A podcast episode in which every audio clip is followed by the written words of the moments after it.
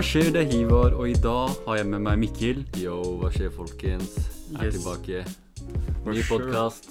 For sure.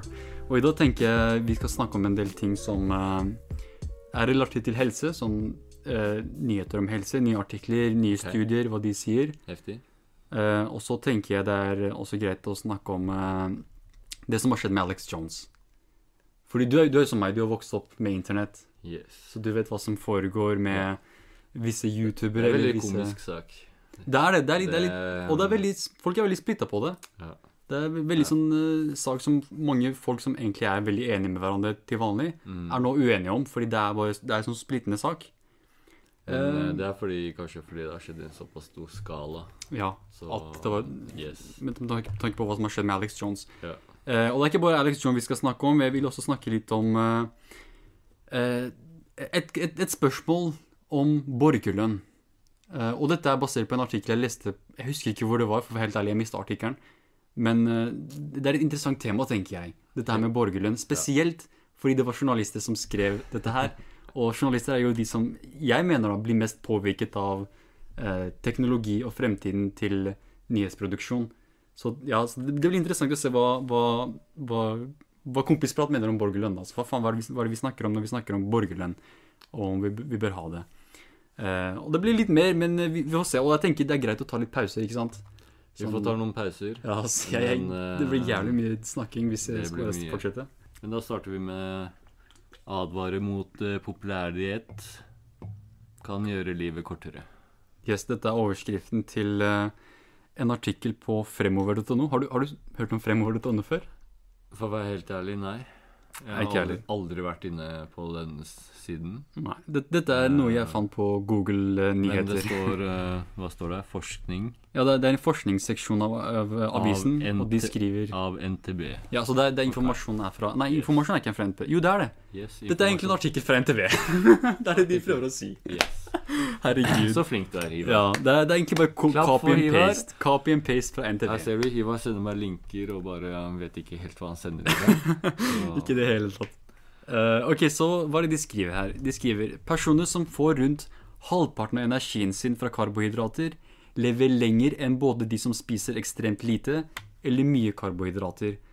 Eh, dette viser en ny studie publisert i det medisinske tidsskriftet The Lancet fredag.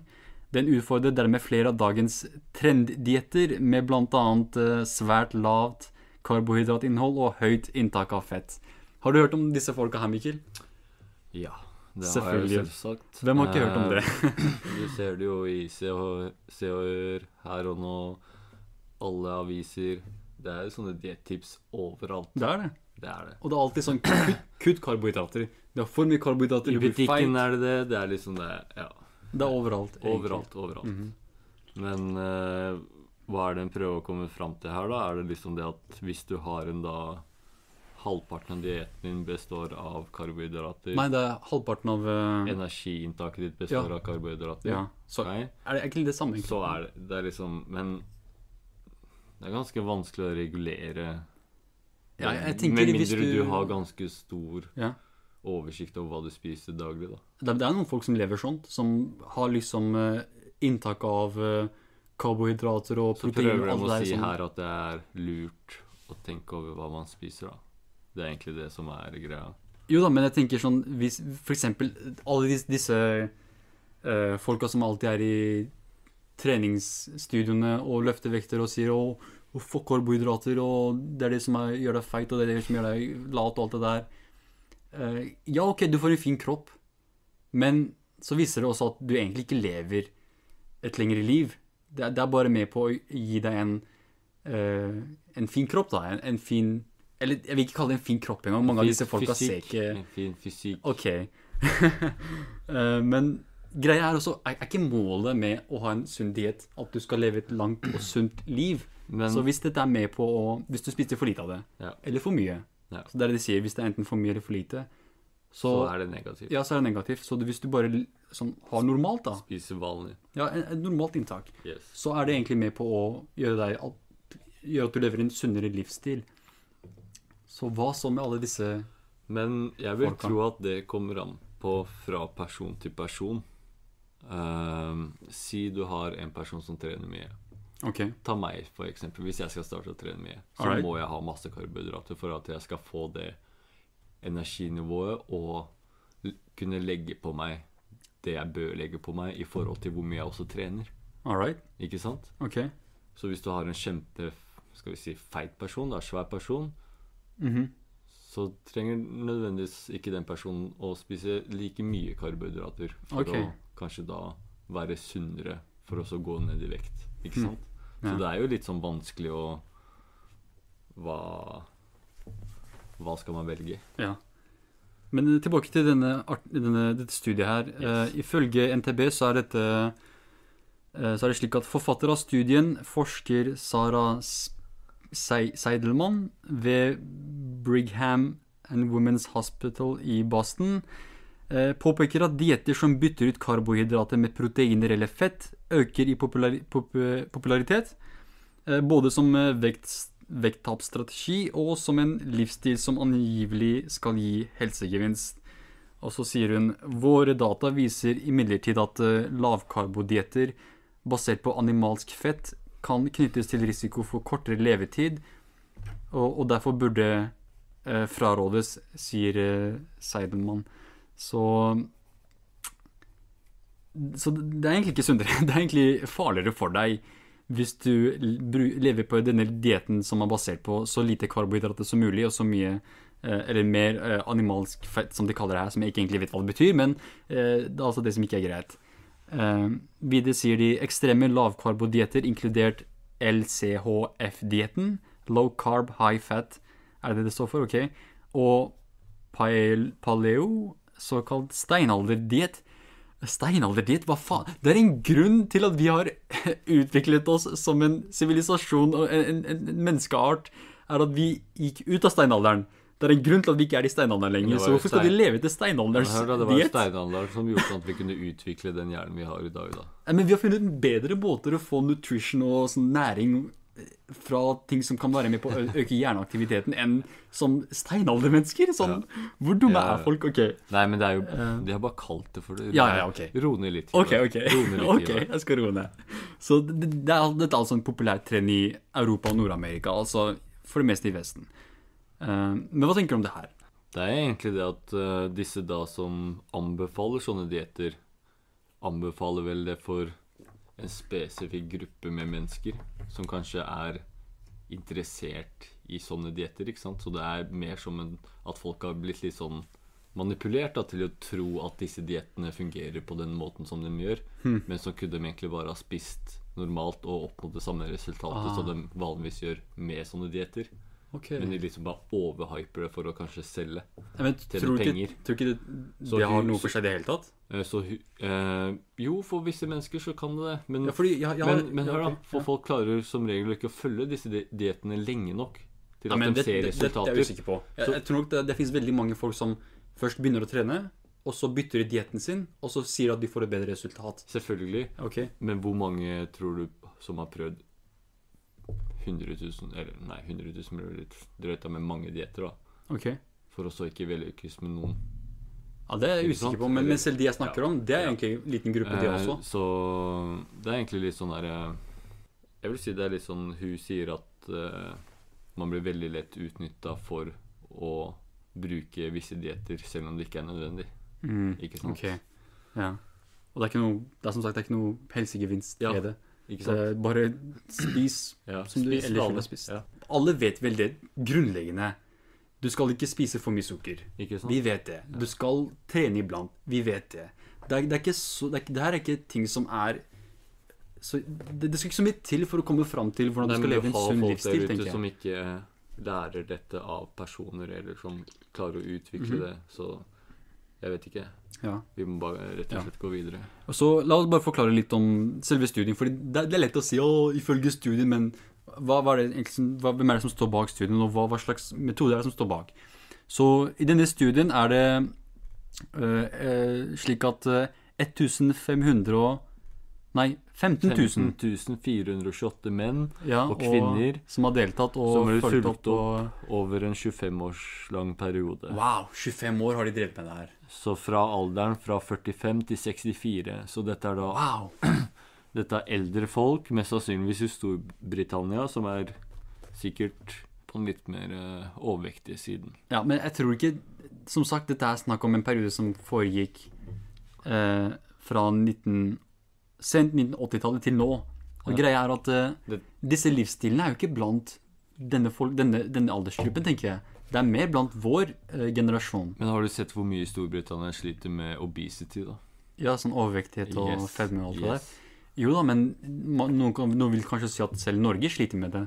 Så det er jo veldig mange her i Norge som sliter med fedme og eh, blir nødt til å ta fedmeoperasjoner, og det koster en del, og man vurderer om hvorvidt man bør ha statlig finansiert fedmeoperasjoner fordi det er så Nei, mange det bør man ikke. Ja, vi har snakket om det tidligere. okay. Men eh, det, som sagt, det er veldig mange. Eh, videre skriver de deltakere har svart på svært detaljerte spørsmål om bl.a. hva de spiser, hvor ofte og hvor mye. Eh, I løpet av studien døde 6283 av deltakerne, så Nei. det Jo. Så mange, over 6283 deltakerne har daua siden da. Så vi har ikke all informasjon. Så det er veldig men, stor usikkerhet da, i denne forskningen, Ja. for å si det sånn. Nei, men jeg tenker det, det kanskje også har noe for seg. Sånn at 6000 døde, kanskje det var de som hadde den der usunne livsstilen som de Yes. vil kategorisere som usunn. Ja, okay. Fordi de, Mm. de har jo fått informasjon om Ja. hva de spiser Ja. fram til de døde, tenker jeg. Rest in peace, forresten. Men, dere men, for en god men bare det at de har svart på spørsmål, gjør at det er veldig usikkert. da, For folk ljuger, som regel om hva de spiser. Tror du det? Ja. Til sånn en eh, Til forskningsrapport? selv. Til seg selv. Mm. Og da gjør de det til rapporter også. Ja, men det kan man egentlig, Den kritikken tenker jeg man kan, man kan uh, bruke mot hvilken som helst studie. Ja, okay, at deltakerne i denne studien løy om det her og det her. Og det kan godt hende. Det, det må vi regne med, faktisk. Men det, eneste, det eneste som er viktig, tenker jeg, er at om vi bruker de samme metodologien til disse, uh, disse forskerne, Mhm. og, og se om vi kommer fram til samme, samme løsning, Ja. eller samme resultat, da. Så det er egentlig det som skal til, er at vi, vi får flere test, før vi kan med garanti si ok, det, det, er, det er definitivt sant. Så dette er bare én studie, tenker jeg. Men Mm. det, det peker også i hvert fall mot en, en viss anelse om at kanskje, kanskje er det ikke slik at hvis du eh, Hvis du ikke spiser karbohydrater, eller hvis du spiser for mye karbohydrater, at eh, eh, du dermed ikke kan leve en sunn livsstil. Altså F.eks. hvis du kutter 100% så vil du få finere muskler. Eller hvis du spiser for mye, så kommer du til å eh, dø. Selvfølgelig, er, du kan ikke ha for lite av det, og ikke for mye av det. Poenget er egentlig at ha normal inntak. Yes. Ha et normalt inntak. Ha et vanlig. Ha de andre tingene også. Ha det balansert, men også det er ikke Og det er det hun også sier videre i artikkelen, Ja. at kosthold er 55% av kaloriene kom fra karbohydrater. Levde i snitt fire år lenger enn de som hadde et ekstremt lavt inntak av karbohydrater. Og fire år, det kan være ganske lenge, egentlig. Yeah. For jeg, vil, vil jeg si fire år kan være Det er, sånn, det er, det er snakk om Ja, det er snakk om fire år. Det er mye som kan skje på, et, på fire år. Så hvis du er, har levd en eh, livsstil som gjør at du kan leve litt lenger til å f.eks. se barnebarna dine vokse opp, det er jo kjempefint. Ja. Ja. Så det er egentlig dette, tenk, dette tenker jeg det er noe folk bør Spesielt de Men det betyr at disse folkene som har vært med i denne forskningen, døde før de var Skal vi se I den alderen der. I 64 Før de var sånn. 64. Nei, det, Så noen av dem ble de var da i den alderen. Så de har, de har, mange av de har ah, okay, okay, okay, ok, ok. Selvfølgelig har man, noen av de dødd, så sånn, det må vi regne med. Ja, det er jeg. Tiden går. Ja, men, eh, men fortsatt, jeg tenker eh, det er relevant. Sånn, det, det er ikke en altfor stor aldersgruppe. 45 til Ja. 64 år. Det, er, Men det hadde det er- vært morsomt å sette en forskning på der hvor de hadde tatt yngre folk, da, og sett Nettopp. hvordan de hadde Ja. reagert på samme Hmm. type kosthold som det de eldre gjorde. Ja, men nå har vi i hvert fall en studie til å basere ny forskning på. Så Yes. hvis vi f.eks. forsker mer på dette her, kan vi egentlig se på hva metodologien til eh, denne forskningsstudien er. Så kan vi prøve å Men jeg synes det, spiller, det, er, Ja. det er så mye som spiller inn i denne studien også. Det er liksom hvor mye aktivitet var disse folkene i. Ja da. Ikke Ja, det, det kan Sånn- ikke ha vært så enkelt som Nei. hva spiste du? Yes. Det må da Det, det er jo med alt her i livet. mer ja. ja. Det er ofte, det er ofte vi eh, på en måte ja, generaliserer da basert på et par spørsmål, men eh, det, det må ha vært mer eh, Men for å være helt ærlig, så er det liksom sånne, sånne dietter og sånne ting. Ja. Det er bare sånn Prøv å spise greit. Unngå å spise, spise mye usunt. Sånn som du sa, Ja. sukker. Det er egentlig jævla lett. Det er bare folk som har blitt vant til å leve i luksus. Du vet, jeg- hver gang jeg snakker med folk om diett Det er ikke, det er ikke, det, det er ikke usunt å gå sulten lite grann. Nei, det er sant. Det, det, er, det er jeg faktisk enig med. Det er greit å gå sulten iblant. Det er greit å faste litt sånn iblant. Fasting er litt, kanskje litt drøyt. da, Sånn Nei, nei, jeg tenker sånn Ikke sånn at du tar for eksempel På samme, måte som muslimer gjør, da. ja. Hvor du tar helt i solen går ned. Men jeg tenker sånn Skip, skip frokost. Skip, okay. skip lunsj. Vent til middag. Noen ganger, hvis du, hvis du f.eks. føler deg virkelig fucked up en eller annen dag, prøv å bare faste litt. Prøv å holde deg unna sulten. Ja. Se hvor lenge du kan holde deg unna Fordi det, det er jo på en måte Jeg hører at det, det er litt sunt. At det på en måte renser kroppen hvis du ikke spiser på en stund. Og så spiser du noe sunt, så blir det sånn er bedre for kroppen. At det er bedre. Men det har jeg merka når jeg har fått vondt i magen og sånt. At liksom, Ja. hvis du ikke spiser på en stund, så liksom Roer seg ned? Ja. Ok. Huh. Ja, det, det har jeg ikke prøvd. Men en ting i hvert fall, som sagt, jeg, jeg sier ofte sånn når vi, når vi snakker om diett Å, kutt sukker, det det er det eneste. Det er jævlig lett å si. Men i går spiste jeg jævlig mye Nugatti, så jeg vet ikke Men det, det er fordi da får du sånn der urge for sukker. Ja, ikke sant? Fordi du ikke har spist det. det på lenge. Nettopp. Men det er akkurat disse momentsa du må ha for å liksom klare å bygge deg opp til Ja. et senere tidspunkt der du faktisk klarer å motstå. Ikke sant? Ja da.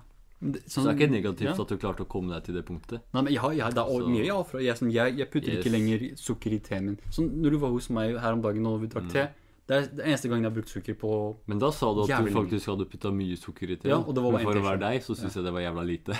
Ja, det var Det for mye, altså. Men sånn, jeg, jeg drikker ikke sukker med noen av drikkene. Men jeg minner det er brus. Brus er det eneste sukker, Sånn sukkerinnhold drikke jeg drikker. Ja. Men iblant så klikker jeg på iskrem. Iblant klikker jeg på Nugatti. Sånn. Men det enda verre er er Nutella. lov. Iblant er lov. Iblant er lov, det er sant. Iblant er det lov å kødde litt rundt. Vi må nesten ta en liten tissepause. Så Nei, la oss ta en, kort pause. BRB. Right, da har vi vært ute og tissa og henta noe drikke. Jesus Christ, bro. okay. Keep it real. Eh, nå skal vi fortsette med en ny artikkel her fra fremover.no. Og det er da av Kjersti Westeng fra Nettavisen 17.8.2018.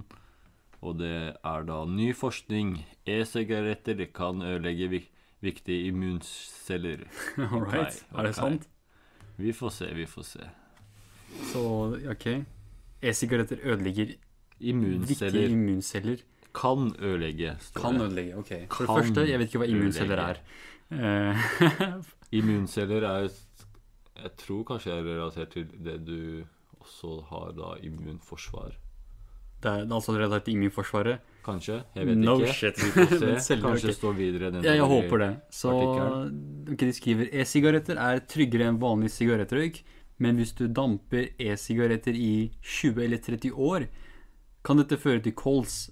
Så det er noe vi- vi må snakke om, sier professor David Thicket. Ja, men herregud, 20 til 30 år. Jeg, jeg tror nok hvis du gjør hva som helst fra 20 til 30 år, så er det garantert at du kommer til å utvikle en eller annen side effects av den aktiviteten. Okay, Ja. Hvis, du, hvis du puler for mye fra 20 til 30 år, så kommer du til å ha en del side effects, aka barn. Hvis du drikker for mye alkohol 20 til 30 år, det kommer til å fucke opp leveren din. Så selv damprøyk og egg og sigaretter jeg, vet, jeg, vil bare si at jeg er ikke overrasket. At det, det fins faktisk negative helseeffekter av å ha damp i lungene dine. ja. Ja. Vi får se videre nedover hva Ja. det, som skjer. Så de skriver at e-sigaretter har kun vært på markedet i rundt ti år. Seriøst? Wow, ok. Ja. Eh, og naturlig nok finnes det derfor ingen studier som viser konsekvensen av langvarig bruk. Det forskes imidlertid en del på feltet, og nå viser en ny studie publisert i det britiske tidsskriftet British Medical Association at røyken fra e-sigaretter kan ødelegge viktige immunceller. Eh, studien, som bl.a. er omtalt av BBC, so, okay, viser at dampen fra e-sigaretter kan forårsake inflammasjon i cellene og svekker de cellene som fjerner skadelige støvpartikler, bakterier og allergener fra lungene. Ok. Så det er det den Eh, gjør. ok. At det rett og slett kanskje blir da for varmt. Denne mm. dampen blir for varm for lungene dine. Ja. Så det har samme påvirkning som det røyken har på lungene dine, i en viss grad. Det Ikke er jo sant? det er damp. Det er damp. Det er damp. Det er Men ikke da Noe jeg har lest tidligere, er også at uh, i disse e-sigarettene så har det en sånn coil. er coil. En coil er den, den som blir varma opp og kan forårsake dampen. da, OK. Ikke sant? ok, Som varmer opp da det, Hva er det man Ja, jeg forstår. Det, det varmer opp eh, den, den kapselen som, som har innholdet i seg. Yes. Ja. Hva nå det enn er. Sånn Ja. liquid. Yes. Ja. Og at denne også da blir ødelagt, og at du da også røyker inn metall, da. Fra metalldamp fra denne coilen. Dampet metall. Yes. Om, What? om det er så jævla Er det mulig sånn at metall blir dampet opp? Nei, men at den da blir så varm at den blir Eller at den blir ødelagt, eller at den smuldrer at det- det- Kjemikalier kanskje faller? da? Yes. Er det det som skjer? Noe sånt. Huh. Ja, det, jeg, jeg, jeg, jeg, kan ikke Så kjemi og fysikk, men det høres litt det, det høres riktig ut, men også litt skummelt ut. Det er akkurat det jeg også syns når jeg Ja. leste det, da. At det Ja. var jævla skummelt at liksom de kunne bli ødelagt og forårsake da mer skade enn det folk tror, da. Så uh, artikkelen sier videre at dampen fra e-sigarettene inneholder en væske som består av smaksstoffer og såkalte glykosestoffer jeg, vet du jeg, jeg, jeg vet ikke hva du snakker om her. hva faen betyr det? Eh, Eh, smaksstoffer er jo da typisk relatert til E-stoffer og kanskje sånne ting. Eh, som i godteri, at du liksom Du twister litt på kjemikalier for å få en spesifikk smak, da. Uten Ha. at du har tilført det det, Er det egentlig det er.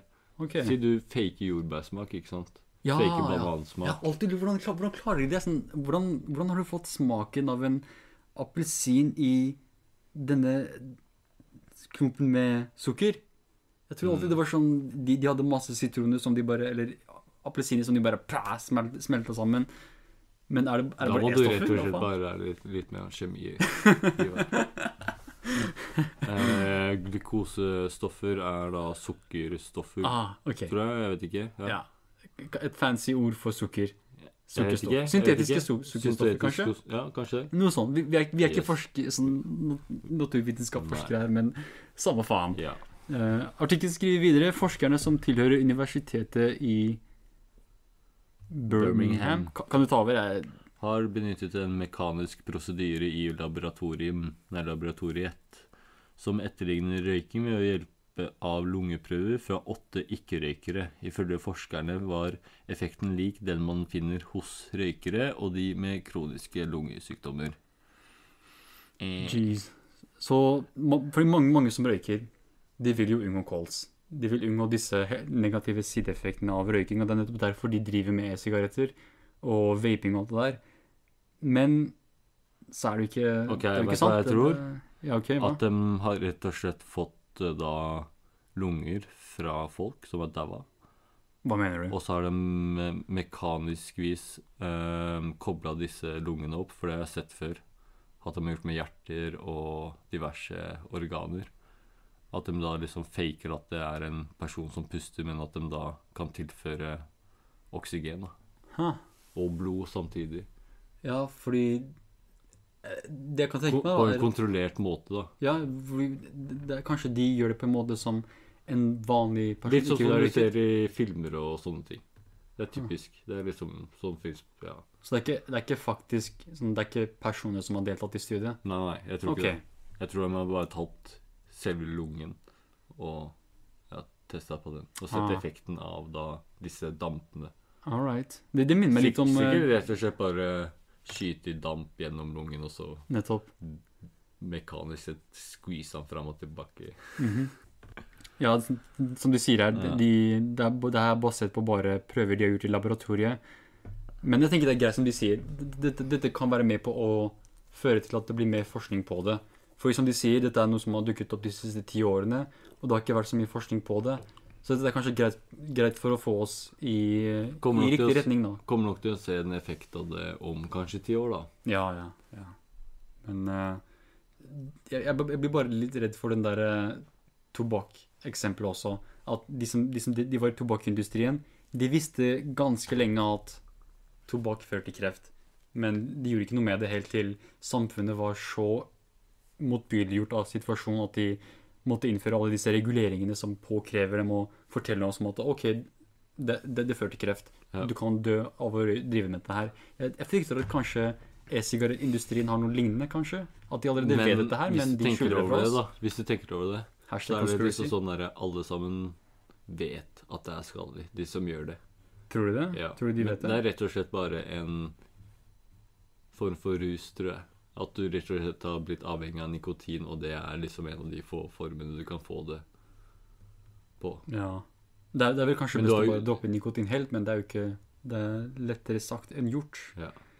Eh, Det sier jeg selv som en person som røyket jævlig mye, som fortsatt ikke har klart å gi opp røyking. Så det, nikotin er det vanskeligste. Yes. Det er en av de vanskeligste tingene å bli kvitt. Eh, har jeg merka, da. Ja.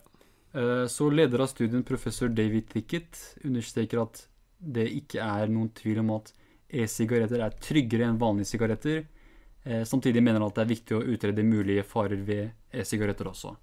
Det, det er det tenker jeg er Ja. hovedpoenget her. Men det er jo fair, da. Ja, det er fair. Det er sånn Ja, det er tryggere enn Vanlige sigaretter. ja. men ikke tro at det er Kuren for kreft. Ja. Det er det nok ikke. Det er, som sagt, som jeg, som jeg sa i stad, uansett hva du gjør, hvis du bruker 20-30 år på å gjøre et eller annet, så må du forvente at noe skjer. Eh, og greia her er at du kan utvikle kols ifølge denne, denne, denne studien da, som er basert på laboratorium. Men det er litt sånn der spiser du McDonald's hyppig i 20-30 år, Ja. så vil du få diabetes. no shit.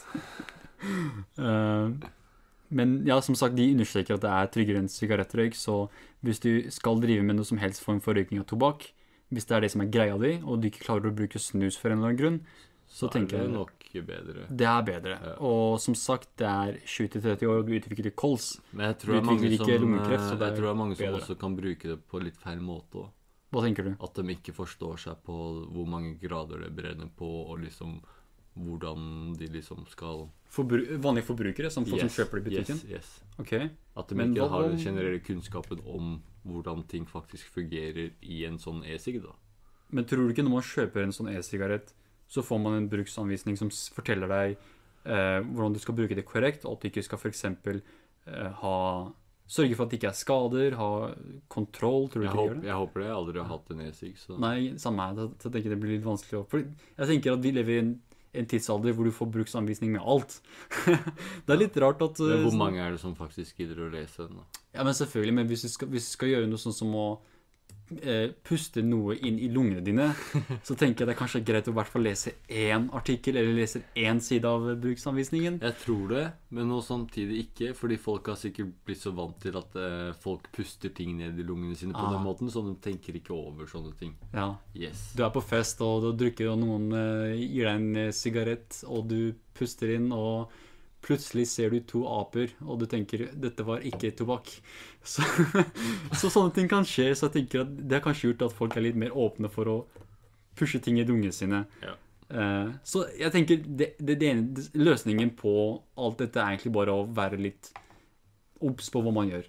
Vit hva du driver med, før du driver med et eller annet. Og det er egentlig en av de sånn common sense-greiene når det kommer til å bruke rusmidler. Det som alle burde vite, det grunnleggende, er at les litt om hva du bruker. Alkohol også. Vit hva det er du drikker før du putter det i kroppen din. Eh, det tenker jeg ganske Det er ok. Det er ikke altfor alt for mye å be om. For, for, for, for å sørge for at vi har bedre folkehelse. Ja. Ja. All right, så la oss ta en kort pause. og Når vi kommer tilbake, kommer vi til å snakke om eh, noe veldig interessant, og dette her, det er dette her med alkohol. Nå har vi snakket litt om røyking, la oss snakke litt om alkohol også. Så blir det så mye alkohol øker risikoen for å utvikle demens. Så alkoholbruk kan ifølge denne artikkelen føre til demens, men hvor mye skal til? Det får vi se på når vi kommer snart tilbake. Vi kommer straks tilbake. All right, da er vi tilbake, og nå tilbake til den artikkelen her om eh, alkohol, om hvorvidt det fører til demens, eller til hvilken grad du må bruke alkohol for å eh, øke risikoen for at du får demens. Eh, og dette er en artikkel skrevet av Kjersti Westeng fra Nettavisen igjen. Så mad respect til eh, denne journalisten som har skrevet to saker for Kompisprat. Gratulerer, du Du har vunnet eh, verdens En rosa flodhest. Eh, vil du være med i videre i konkurransen, så må du skrive i kommentarfeltet 'Kjersti Westeng'. Å, wow. Skal vi tvinge det på henne? Shit, yo. Men uansett, takk for det veldig, veldig fin eh, Og da kan du Kombo. vinne en eh, oransje panda. Sverga. All right. Så hun skriver et høyt alkoholinntak er kanskje den sterkeste risikofaktoren for å utvikle demens, men en ny studie viser at det, det å være avhold også øker risikoen. Wow! Hmm. Wow! Ok. Så hvis du drikker for mye av det, så risikerer du demens. Men Hvis du drikker for, drikker for litt av det, demens. Da, da blir det egentlig litt spennende å se hvordan de har forsket på dette her, da. Alright. Og hvilken så- aldersgruppe dette gjelder for. Yes. Så de skriver her eh, Et høyt alkoholinntak er kanskje den sterkeste risikofaktoren for å utvikle demens, men en ny studie viser at det å være avholds også øker risikoen. Fordi det ikke finnes kurerende behandling for demens, forskes det mye på risikofaktorer og forebyggende tiltak. En ny omfattende studie publisert i det britiske tidsskriftet British Medical Journal viser at alkoholinntaket ditt kan påvirke risikoen for å utvikle demens, og at det ikke bare er for høyt alkoholinntak men, øh, som kan øke risikoen for demens, men at det å være avholds kan ha det samme effekten. Så de skriver at øh, For de som ikke vet hva demens er, da. Sånn som jeg, jeg når jeg tenker på demens, det, det tar litt tid før det klikker sånn Å, det var det det var. Eh, demens skriver de er en samlebetegnelse for ulike demenssykdommer, eh, hvorav den vanligste er Alzheimers sykdom og vaskulær demens som skylder hjerneslag eller hjerneblødning. Eh, og de skriver at over 77 000 personer i Norge er rammet av demens. Så når du hører dette ordet, Mikkel, hva er det du tenker på når demens Demens. Ja. Eh, da tenker jeg eldre med hukommelsestap.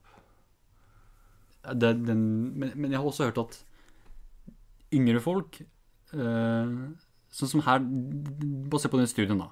Så de skriver studien er basert på tall fra en stor britisk database.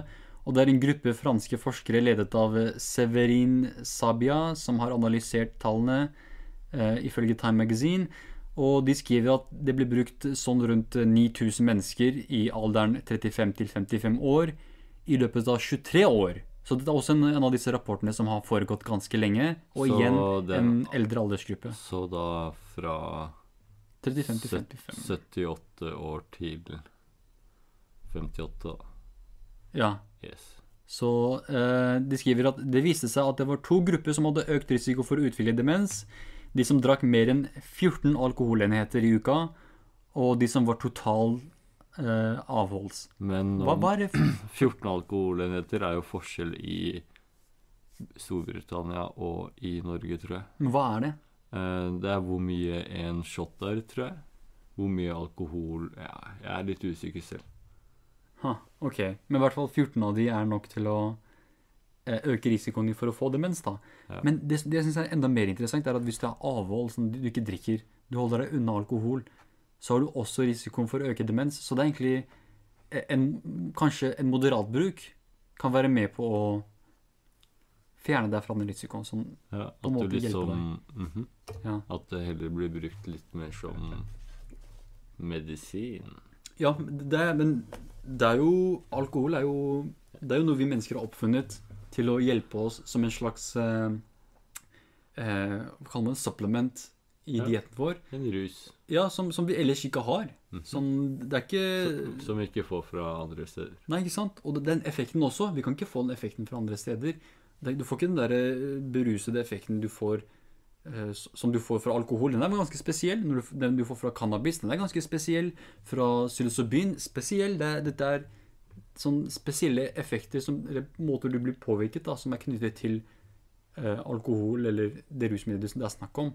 Og alkohol, det, tenker jeg ofte ser man bort ifra helsefordelene, eh, sånn, de fordelene til en bedre helse. Men jeg tenker det fins, det også. Men de skriver også videre her da at eh, hvis det var at man drakk mellom 1 og 14 enheter i uka, så var det ingen økt risiko for demens. Så det er bare det vanlige, da. Det er ikke noe økt risiko, men det er bare det vanlige, Ja. vanlige risikoen. Så hvis du drikker mye, så er du Mhm. i faresonen. Drikker du veldig, veldig, veldig lite, så er du i faresonen mm. for økt sjanse for Ja. demens. Men det er som sagt Det, Så det det er er, kanskje sånn en av de tingene. ja. Jeg tror ikke alkohol er det eneste som kan føre til demens. Og her er det demens. da snakk om 9000 stykker, Ja. så det Ja, hadde vært litt morsomt å sette et større tall på hvor mange mennesker de hadde ja kanskje som forrige, forrige Og forskning som ja. hadde 23, litt over 20 000. Uh, men i hvert fall de skriver at eh, det mest interessante med studien er at den tydelig viser årsaken til hvorfor det å være total avholds øker risikoen for demens, nemlig utvikling av hjerte- og karsykdommer.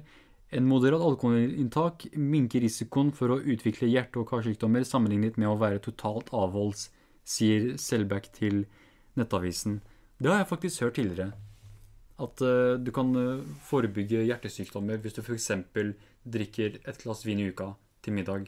Så kan det være med på å gjøre helsen din bedre og gjøre at du lever en, en slags sunnere livsstil da, enn at hvis du ikke drikker vin eller alkohol i det hele tatt.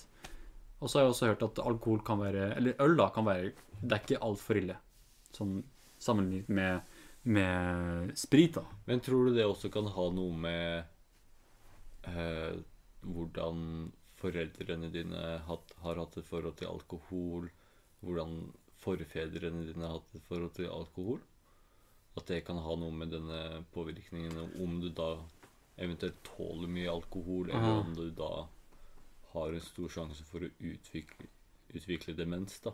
Jeg, jeg tror nok eh, den ruseffekten den kan variere basert på hvor du kommer fra. Hvis det f.eks. er eh, eh, Hvis du er fra Midtøsten, da, så har du egentlig Hvis det er sant at det, det er genetisk, og det påvirker visse folk annerledes, så vil folk i Midtøsten være blant de som tåler mest.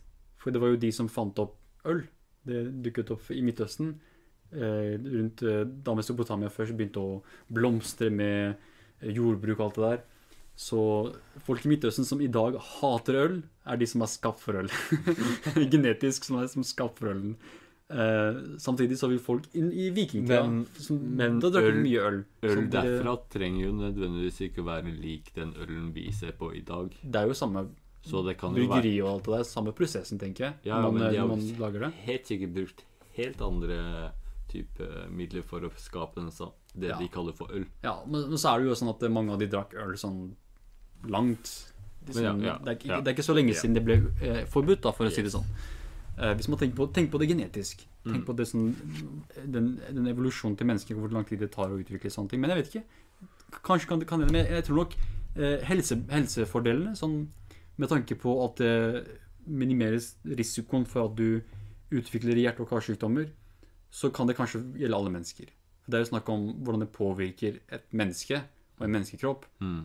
Så da tenker jeg hvis, hvis f.eks. det hjelper for en person i eh, Australia å drikke et glass vin i uka, så vil det være like eh, like stor grad av fordeler til personen som bor i Nord-Amerika, som drikker et glass vin til eh, middagen i uka. Ja. Så til den graden så tror jeg ikke det er så stor forskjell. Eh, de skriver at det er et at et høyt alkoholforbruk øker risikoen for demens, er imidlertid godt dokumentert i forskning fra før av. Så det, dette er, dette er noe vi vet. Ok.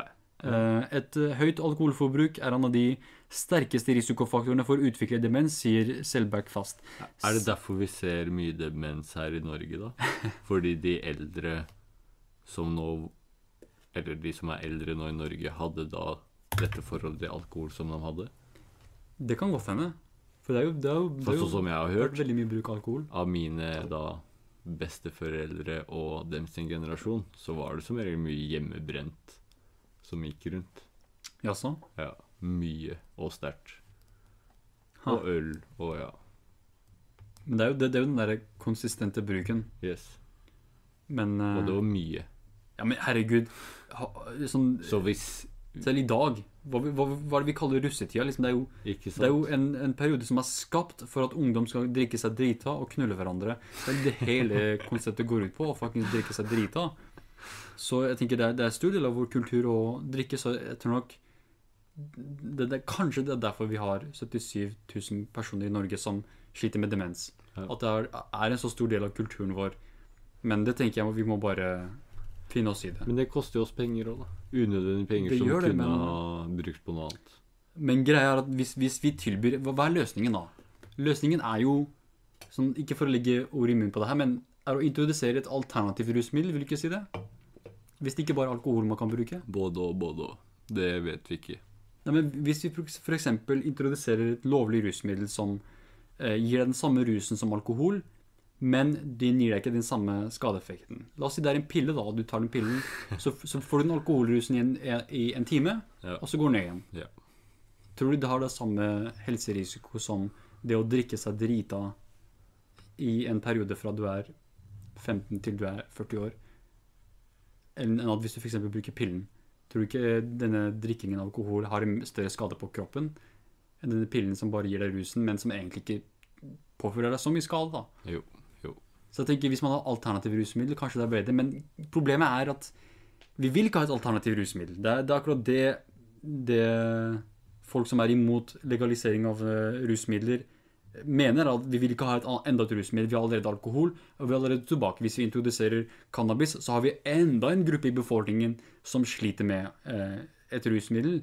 Men jeg tenker det er, det er litt feil, fordi det, vi, det de ikke tenker på, er at mange av de som bruker alkohol i dag, kanskje finner ut at hei, det viser at cannabis er tingen min, ikke, ikke alkohol.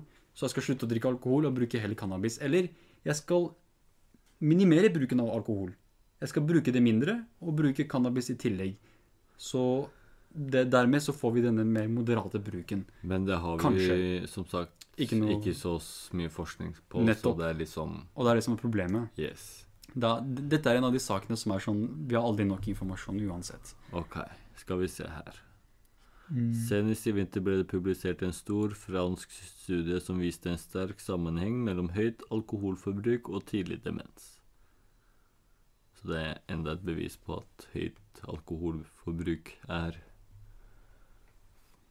Ja, det, en forårsakning for demens. jeg tror nok det er mye som Mye skade som kommer av høyt Der forbruk av forskere alkohol. så på, den, på data fra over én million voksne med demens.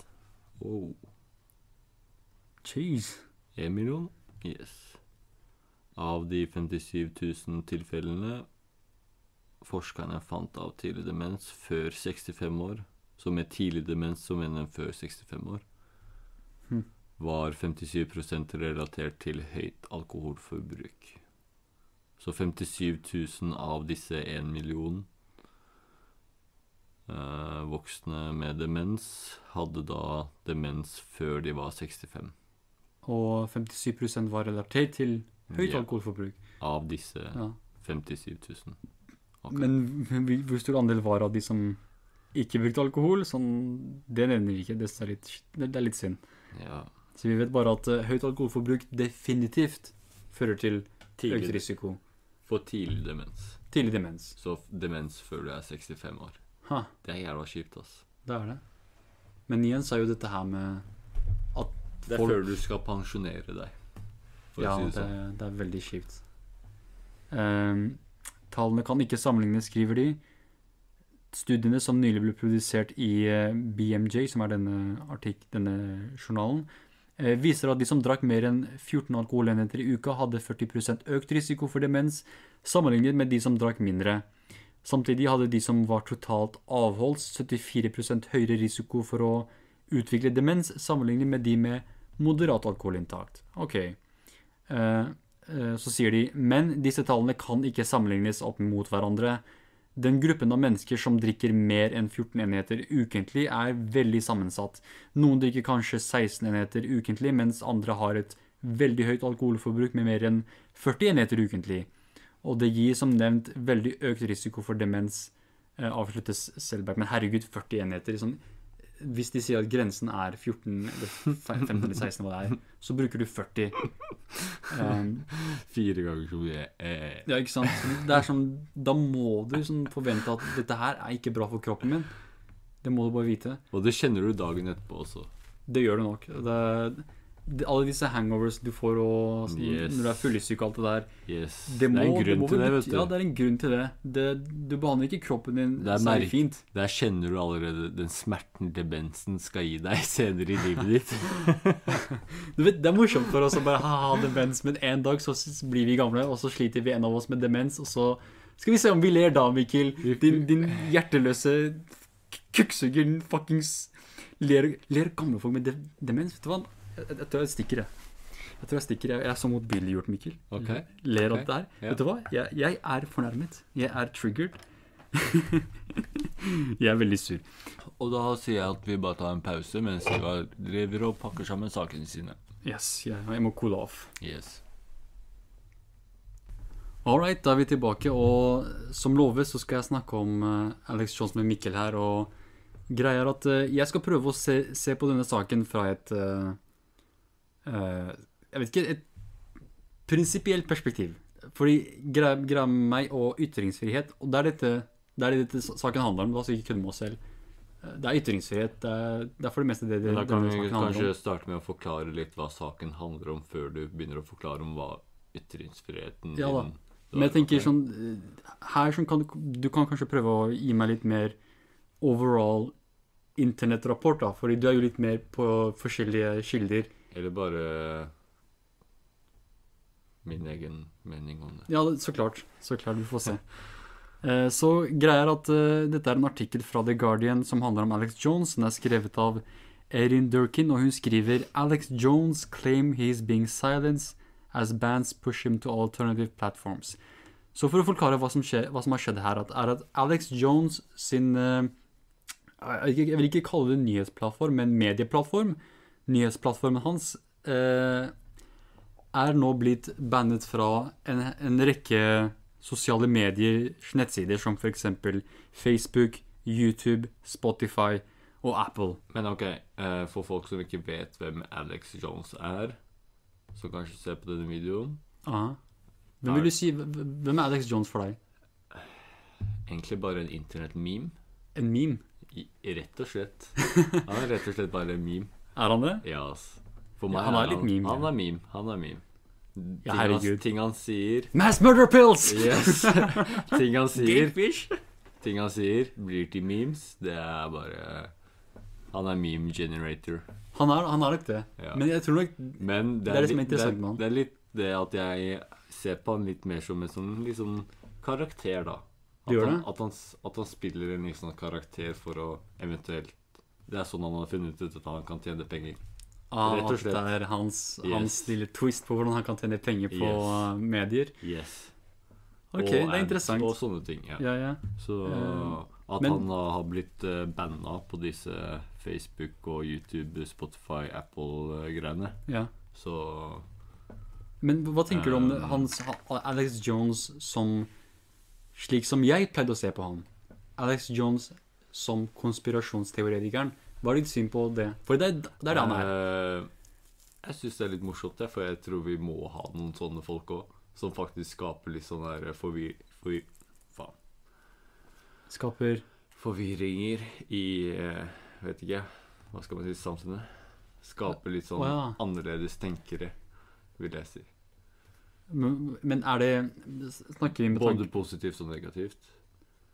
Men ok, så du tenker på at eh, Selv om han, han er med på å skape konspirasjonsteorier Men sånn Ja, det, det skaper jo disse, disse tankene om eh, realiteten, da. Ja. Som er annerledes enn realiteten. Sånn, de skaper på en måte en alternativ realitet Ja. som de baserer på disse, disse konspirasjonene. Og eh, det kan til tider være farlig, vil du ikke si det? Men tror du ikke alle sammen lever i litt sånn sin egen realitet sånn uansett? At alle sammen har bygd seg opp en viss forstand da, på hvordan verden fungerer, så det er dem sin måten å se realiteten på. Jo da, selvfølgelig, men det, det finnes også den egentlige realiteten. Ja. Sånn som hvordan ting faktisk er. Mm. Som for eksempel eh, at kanskje Nei, vi blir ikke styrt av øgler. Det, disse, disse feilene vi gjør i samfunnet, er basert på grådighet, basert på Det er feil å si at det er sant. Ja, ok. Fordi du har jo ikke noe bevis på at det faktisk er det. Nei. Har du det? Ikke Nei. sant? Men så da vet- kan han ikke påstå at det Ja. faktisk er sant. Så Det det, er nettopp disse tingene her. Ja. Disse spørsmålene, disse forvirringene som du snakker om, Mm. som gjør at folk blir litt sånn veldig skeptisk til innholdet hans. At dette er en person som sprer ut falske nyheter, da. ja. Til en viss grad falske nyheter. La, la oss være ærlige. Fake Infowars er fake news. Og plattformer som YouTube og Facebook blir jo nå presset av eh, politikere eh, Spesielt, skal vi være ærlige, spesielt fra demokratene og Hillary Clinton-siden, som er så jævlig redde for fake news. Fordi det er jo slike fake news som Alex Jones produserte, som gjorde at veldig mange folk hadde disse eh, disse meningene om Hillary Clinton som egentlig er basert på fake news, som er egentlig helt kødd, som tull. Om eksempel dette her med at eh, Hillary Clinton og Clinton Foundation og alt det her var med på å eh, styre en eh, sånn pedofil sexorganisasjon i en pizzasjappe. Hvordan faen kommer du på sånne ting, for det første? Og for det andre, det er folk som tror på det. Ja. Og det, det- det, det- er en slags informasjon, da, bare for å avbryte deg, det er en slags informasjon som gjør at Facebook blir skeptiske og kanskje sier Vet du hva, la oss fjerne han duden her. ja. Ja. Men det syns jeg er helt fair. Al- At, hvorfor, hva, hva er fair med det? At de fjerner han fra Men disse plassene. hvorfor er det det? Eh, fordi hvis han skaper disse forvirringene og påstår at de er sanne, Ja. ikke sant, og prøver å gjøre dette her for å skade noen, eller for å ikke eventuelt gjøre det bare for kødd, da, så går det over en viss grense, føler jeg. Tror du ikke det? Jo da. Han har jo f.eks. sagt at uh, Sandy Hook-shoot-episoden, episoden, som er, var at uh, en barnehage, eller barneskole jeg det var, Ja. ble, ble angrepet av en annen psykopat kid som skjøt barn, drepte Ja. barn. Og Alex Jones var en av de som pusha dette, denne saken da, som en slags uh, false flag operation. Altså det var bare en, en sånn hemmelig operasjon styrt av staten og skuespillere eh, For å, for å fremme våpenkontroll. Yes. Og det er det også, også han, det, det vil Men- si at hele saken var Men tror du han da kanskje har fått penger fra noen innenfor Våpenindustrien, Yes. til å si det der. Yes. Eh, For å skape sånne jeg tror nok det gjør han populær med dem. Mm. Men jeg vet ikke til hvilken grad han har fått eh, økonomisk støtte fra våpenindustrien. Han har jo veldig populært show, og han er jo veldig stor elsker av våpen. Sånn han, han snakker ofte om eh, sånn, sine typer våpen, og hvor, hvordan han har våpen som, er, som kan ødelegge mili militære helikopter, eller hva faen det er han sier. Det, er jo det er veldig mange folk som, som liker det Alex Jones sier om våpen. Den, den graden han, går, han, han snakker om. Eh, men la oss, la oss lese videre. Så det, er dette Alex, det, det er dette det er denne personen Alex Jones er. Konspirasjonsteoretiker slash meme. Kan vi si det? En konspirasjonsteoretiker som også er en memer. mm. Men du må også tenke på at disse plattformene Facebook, YouTube og Spotify og Apple. Ja. Uh, har de banda noen andre personer som også gjør lignende greier, greier enn bare han?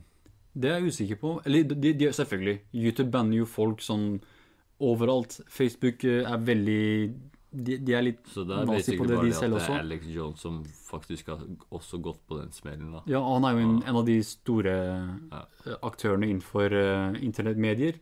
Selv om jeg ikke liker å si det, men Infowars er jo populær, populær plattform. Ikke like populær som den er nå, nå som den har fått så mye mediepresse, og det er så mye backlash eh, som et resultat av eh, denne sensureringen. Altså istedenfor å Altså, sensureringen var en slags måte å prøve å gjøre han mindre populær på, da. Og greier at det har gjort han mer populær. Så det, er det, er helt, det har vært sånn backfire som bare faen. Um, men greia er at, ja, som sagt, eh, Facebook og YouTube de har fjerna slike personer før, men dette er en person som er veldig kjent. Og det som er litt mer spesielt, eh, er at de gjorde dette her samtidig. Det, så det, det må egentlig ha vært en konspirasjon. det, det var en konspirasjon mot konspirasjonsteoretikeren om å, om å sensurere han. Fordi det er ikke slik at YouTube gjorde det, og så gjorde Facebook det etter en måned. Dette var gjort samtidig. Så det, det, det, det kan på en måte være litt skummelt, fordi dette kan på en måte Jeg mener da Jeg mener at det kan gjøre hans eh, Hans show og hans karakter mer populær Det å si at 'se på meg, jeg, jeg, jeg forteller sannheten', så kommer disse mainstream-folka og sosiale medier og sensurerer meg fordi de er redd for sannheten, og jeg er sannheten.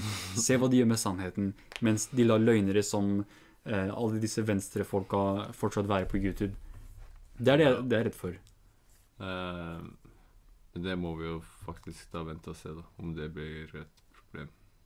Men han kommer til å gjøre det definitivt. Han kommer til å misbruke det her som faen til å si at å, han er offeret, mens alle disse folka som han har trakassert, som han har ødelagt ryktet til, alle disse folka som han har ødelagt livet til Det er sånn å Det går fint sånn. La oss glemme det.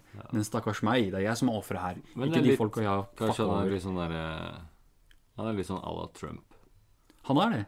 Han og Trump er jo kompiser. Men tilbake til dette her med at du mener at det er greit for Facebook og YouTube og Ja. alle disse her å Eh, fjerne ham på. eh, dette er da plattformer som ikke er noe statlig eid.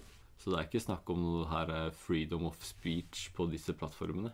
Det er jo prinsippet. Freedom of speech, er ikke det? Prinsippet, ja. Ja. Men det betyr ikke at uh, du kan få lov til å si hva som helst på Facebook, Spotify, Twitter og diverse ting, da.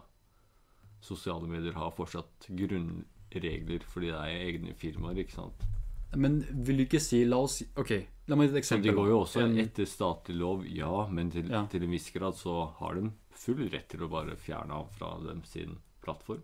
Men øh, det For- betyr jo veldig For mye at hvis øh, han da eventuelt har kritisert da Facebook, YouTube, Mhm. Spotify og Apple okay. og promotert dem i et dårlig lys, så kan det ha noe med rettigheter som tilsvarer at du ikke kan si stille dem i dårlig lys hvis du eventuelt er en partner på ja, uten tvil. Yes. Alex Jones har uten tvil brutt Du skjønner hva jeg mener. Ja, han, har, han har definitivt brutt reglene til alle disse plattformene. Definitivt. Yes. Eh, Så dette er egentlig, hvis man, hvis man skal gå, gå for det argumentet at uh, siden dette er private selskaper, så har de sine egne regler, Mm. og du, hvis du ikke følger reglene til disse folka, så du har ikke noe rett til å være på deres plattform, for det er jo, det er jo deres. Ja. Men det som skremmer meg litt, er at Facebook og YouTube, Spotify og Apple Dette er organisasjoner som har utrolig mye privat data, personlig data, Mm. om deg. Okay. De har så mye makt, og det er en så stor del av samfunnet i dag. Som det ikke var for fem år siden, ti år siden, men i dag. Så er, så, så er disse, disse selskapene, disse, disse plattformene eh, de, de har mer penger enn visse, visse imperier i verdenshistorien, vil jeg si. Sånn, de har utrolig mye makt. De er utrolig mye makt på både politikk Er dette de nye dynastiene? Det vil jeg si. Sånn, hvor mye penger de tjener, hvor, hvor mye innflytelse de har. Ja. Hvor mange folk Ja. som går på Facebook, Mm. hvor mange som bruker Apple, hvor mange som er på YouTube. Apple var det første Var det one trillion dollar Det på. eller et eller annet sånt nå for litt Ja, det, det vet jeg ikke, men, Mest men, verdifulle firma eller noe sånt. ja. men tenk deg da, dette er altså plattformer som har så stor del av så, stor plass i vårt samfunn. Ja. Og det er veldig mange folk som kan nå tjene penger på å, pr- eh, på, på å sette materiale på Apple, på å sette, sette materiale i Spotify eller Facebook eller YouTube, som, Mhm. som har en hel, eh, la oss si en medieorganisasjon da, som Ja. Infowars, som har arbeidere, som har forfattere, som har alle disse eh, produsentene og alle disse folka som jobber der. Dette er nå mennesker som mister jobben sin, eller som nå har mista muligheten til å tjene penger på sin uh, Jeg vil ikke kalle det journalistikk, jeg vil kalle det kreativ skriving. Sånn, dette er fantasiforfattere som nå har mista jobben sin. Er det, er det, er det greit? For, hvis de eh, har jobba som det her, så kan de også klare å jobbe som noe annet. Ja, det kan de helt sikkert, men det er, det er veldig vanskelig. Spesielt dette Som du sa, Alex Jones er jo en av de som har klart det, fordi han har klart å finne denne karakteren, denne memen som fungerer. Det, det har vært hans lille twist på å prøve å tjene penger. Men for, for Ja. å være helt ærlig, jeg er helt enig med deg. For det var okay. det litt jeg kom Eller sa i stad på starten, at liksom det at han er en meme, at uh, han har skapt en karakter. Ja, Jeg er liksom med på den greia at det skal være et, en humor i det. nettopp. Det er okay. det jeg syns. Mhm. Ja, men, men jeg tenker sånn Så Men det at han vil da være en Hva skal man si da? Journalist, eller Ja, han kaller seg en journalist, for han er, i hans øyne så er han sånn sannhetens sånn tårn. Sånn, han, han gløder av sannhet. Sånn, Alex Jones, det er ikke det han heter. Han heter, han heter Sannhet Jones. Han er, liksom, han er sannhetens definisjon. Når du ser i boka, det står Infowars.com. Infowars.com, Alex Jones! no, det var dårlig impression, men sånn, det, er det, det er det han tror han er. Moderne Jesus? Ifølge han. Han vil, han vil nok si det. Sånn, Ja. Han, han er, Ja, han, ja, okay. er psykopat. Og, og dette er en god venn av Donald Trump også, det må vi huske. Veldig god venn av Donald Trump. Men det er litt sånn derre Moderne Jesus, vil jeg si. Beste Ja. Nei, men okay, så, så beskrivelsen. et, et annet Dette her med at uh, dette, dette er selskaper som eier disse plattformene, da. Mm. Hvis du blir fjernet fra YouTube, hvis du blir fjernet fra Facebook og alt det der, f.eks. som Alex Jones, hva er alternativene? Uh, ifølge The Guardian så er det gab.ai, eh, som er en Twitter-aktig nettside som eh, kaller seg selv The Free Speech Social Network. Eh, så dette er en plattform som er basert på ytringsfrihet. Mm. Så da må det være slik at man kan si hva faen man vil, tenker jeg. Og så er den, den påstår å ha en halv million brukere, og en nettside som heter real.video, som er en slags YouTube-alternativ, skriver de, hvor deres eh, eh, skaper har sagt at eh, de har nå sett 350 nye kanaler skapt på nettsiden etter at Infowars ble bannet på alle disse sosiale mediene. Og jeg sjekket real.video for å se hva, hva, om dette var potensialet for å utfordre YouTube. Okay. Uh, og jeg tenker det, det vil ha det hvis folk bruker det aktivt. Hvis man har folk fra begge sidene av debatten til å diskutere ting. Når jeg gikk inn på det, det var veldig mye uh, vi, Mange videoer som var rettet mot høyresiden. Sånn mot folk som er litt mer på Trump og Infowars sin side, da. Men kanskje det er det man da eventuelt kommer til å få etter hvert? Jeg håper det. Det er det, det, er At vi får det skillet der da at YouTube blir da den siden, og Ja. da blir eventuelt en annen side den siden. Jeg har egentlig ikke noe mot om at YouTube får en konkurrent innenfor nyhetsvideoer. Det er, som, det, er ikke, det er ikke noe som sier at nyhetsproduksjon må kun være på YouTube. Oh, nei, nei, Det er bare det som er lett nå, men jeg tenker Yes. en konkurrent kan definitivt dukke opp. Men det handler om oss. Vi som brukere, vi som eh, Ikke bare brukere, men vi som produserer shit på YouTube som eh, Vi kan kanskje produsere det på real.video, så er det med på å skape en debatt innenfor denne nettsiden som er med på å øke den og gjøre den mer populær. Så kan man ha kanskje en konkurrent mot YouTube.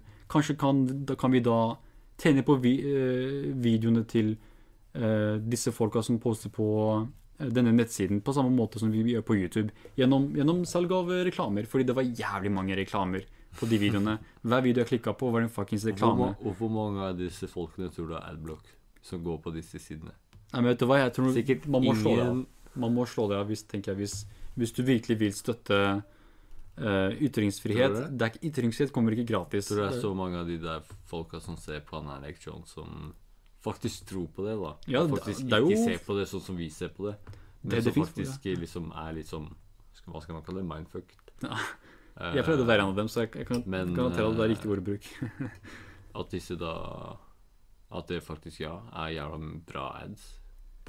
Jo da. Men disse adsene må jo da komme fra et sted også. Kanskje det er Google ads som driver og kjører der.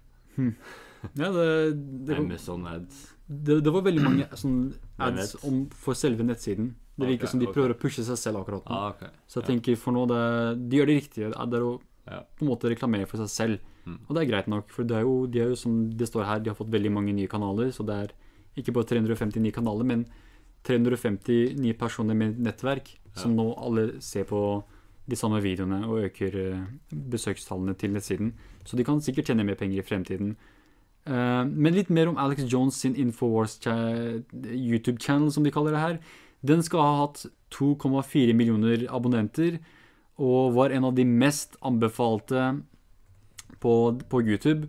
Eh, og ifølge analyse av eh, forskere Jonas Keiser og Adrian Rau- Rauschfleisch The fuck, Rauschfleisch? Jævlig rart navn, kompis. Eh, så var også mm, Hæ, hva faen? Ok, så når, en, gang når, eh, når nettsiden forsvant, Mm. så ble den erstattet av Fox News som den mest anbefalte konspirasjonskanalen. Nei. Så Fox News er liksom litt der oppe med Alex Jones. Så hvis YouTube, Facebook Det er et godt argument, faktisk. Hvis, hvis virkelig det er det Alex Jones har gjort, som skal til for å bli bannet på disse nettsidene Så kanskje vi ser at større nyhetskanaler Det hadde vært rettferdig. Det hadde vært prinsipielt. Men det er ikke det nå. Akkurat nå så har det bare gått etter Alex Jones. Men hva med Fox News? Men What hør da, about them? Sånn, Det hadde faktisk vært litt morsomt å sette at sånne store aktører egentlig ikke har noe på YouTube å gjøre. Det har egentlig ikke det. CNN? Hva faen gjør CNN på YouTube? Ja. Det er litt sånn der eh, utnytting av vet Men vet du hva?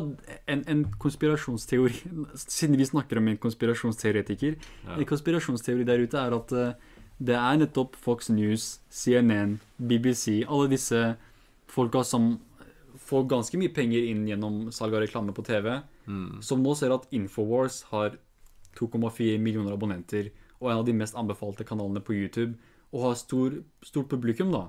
Ja. Og eh, hosten er et meme.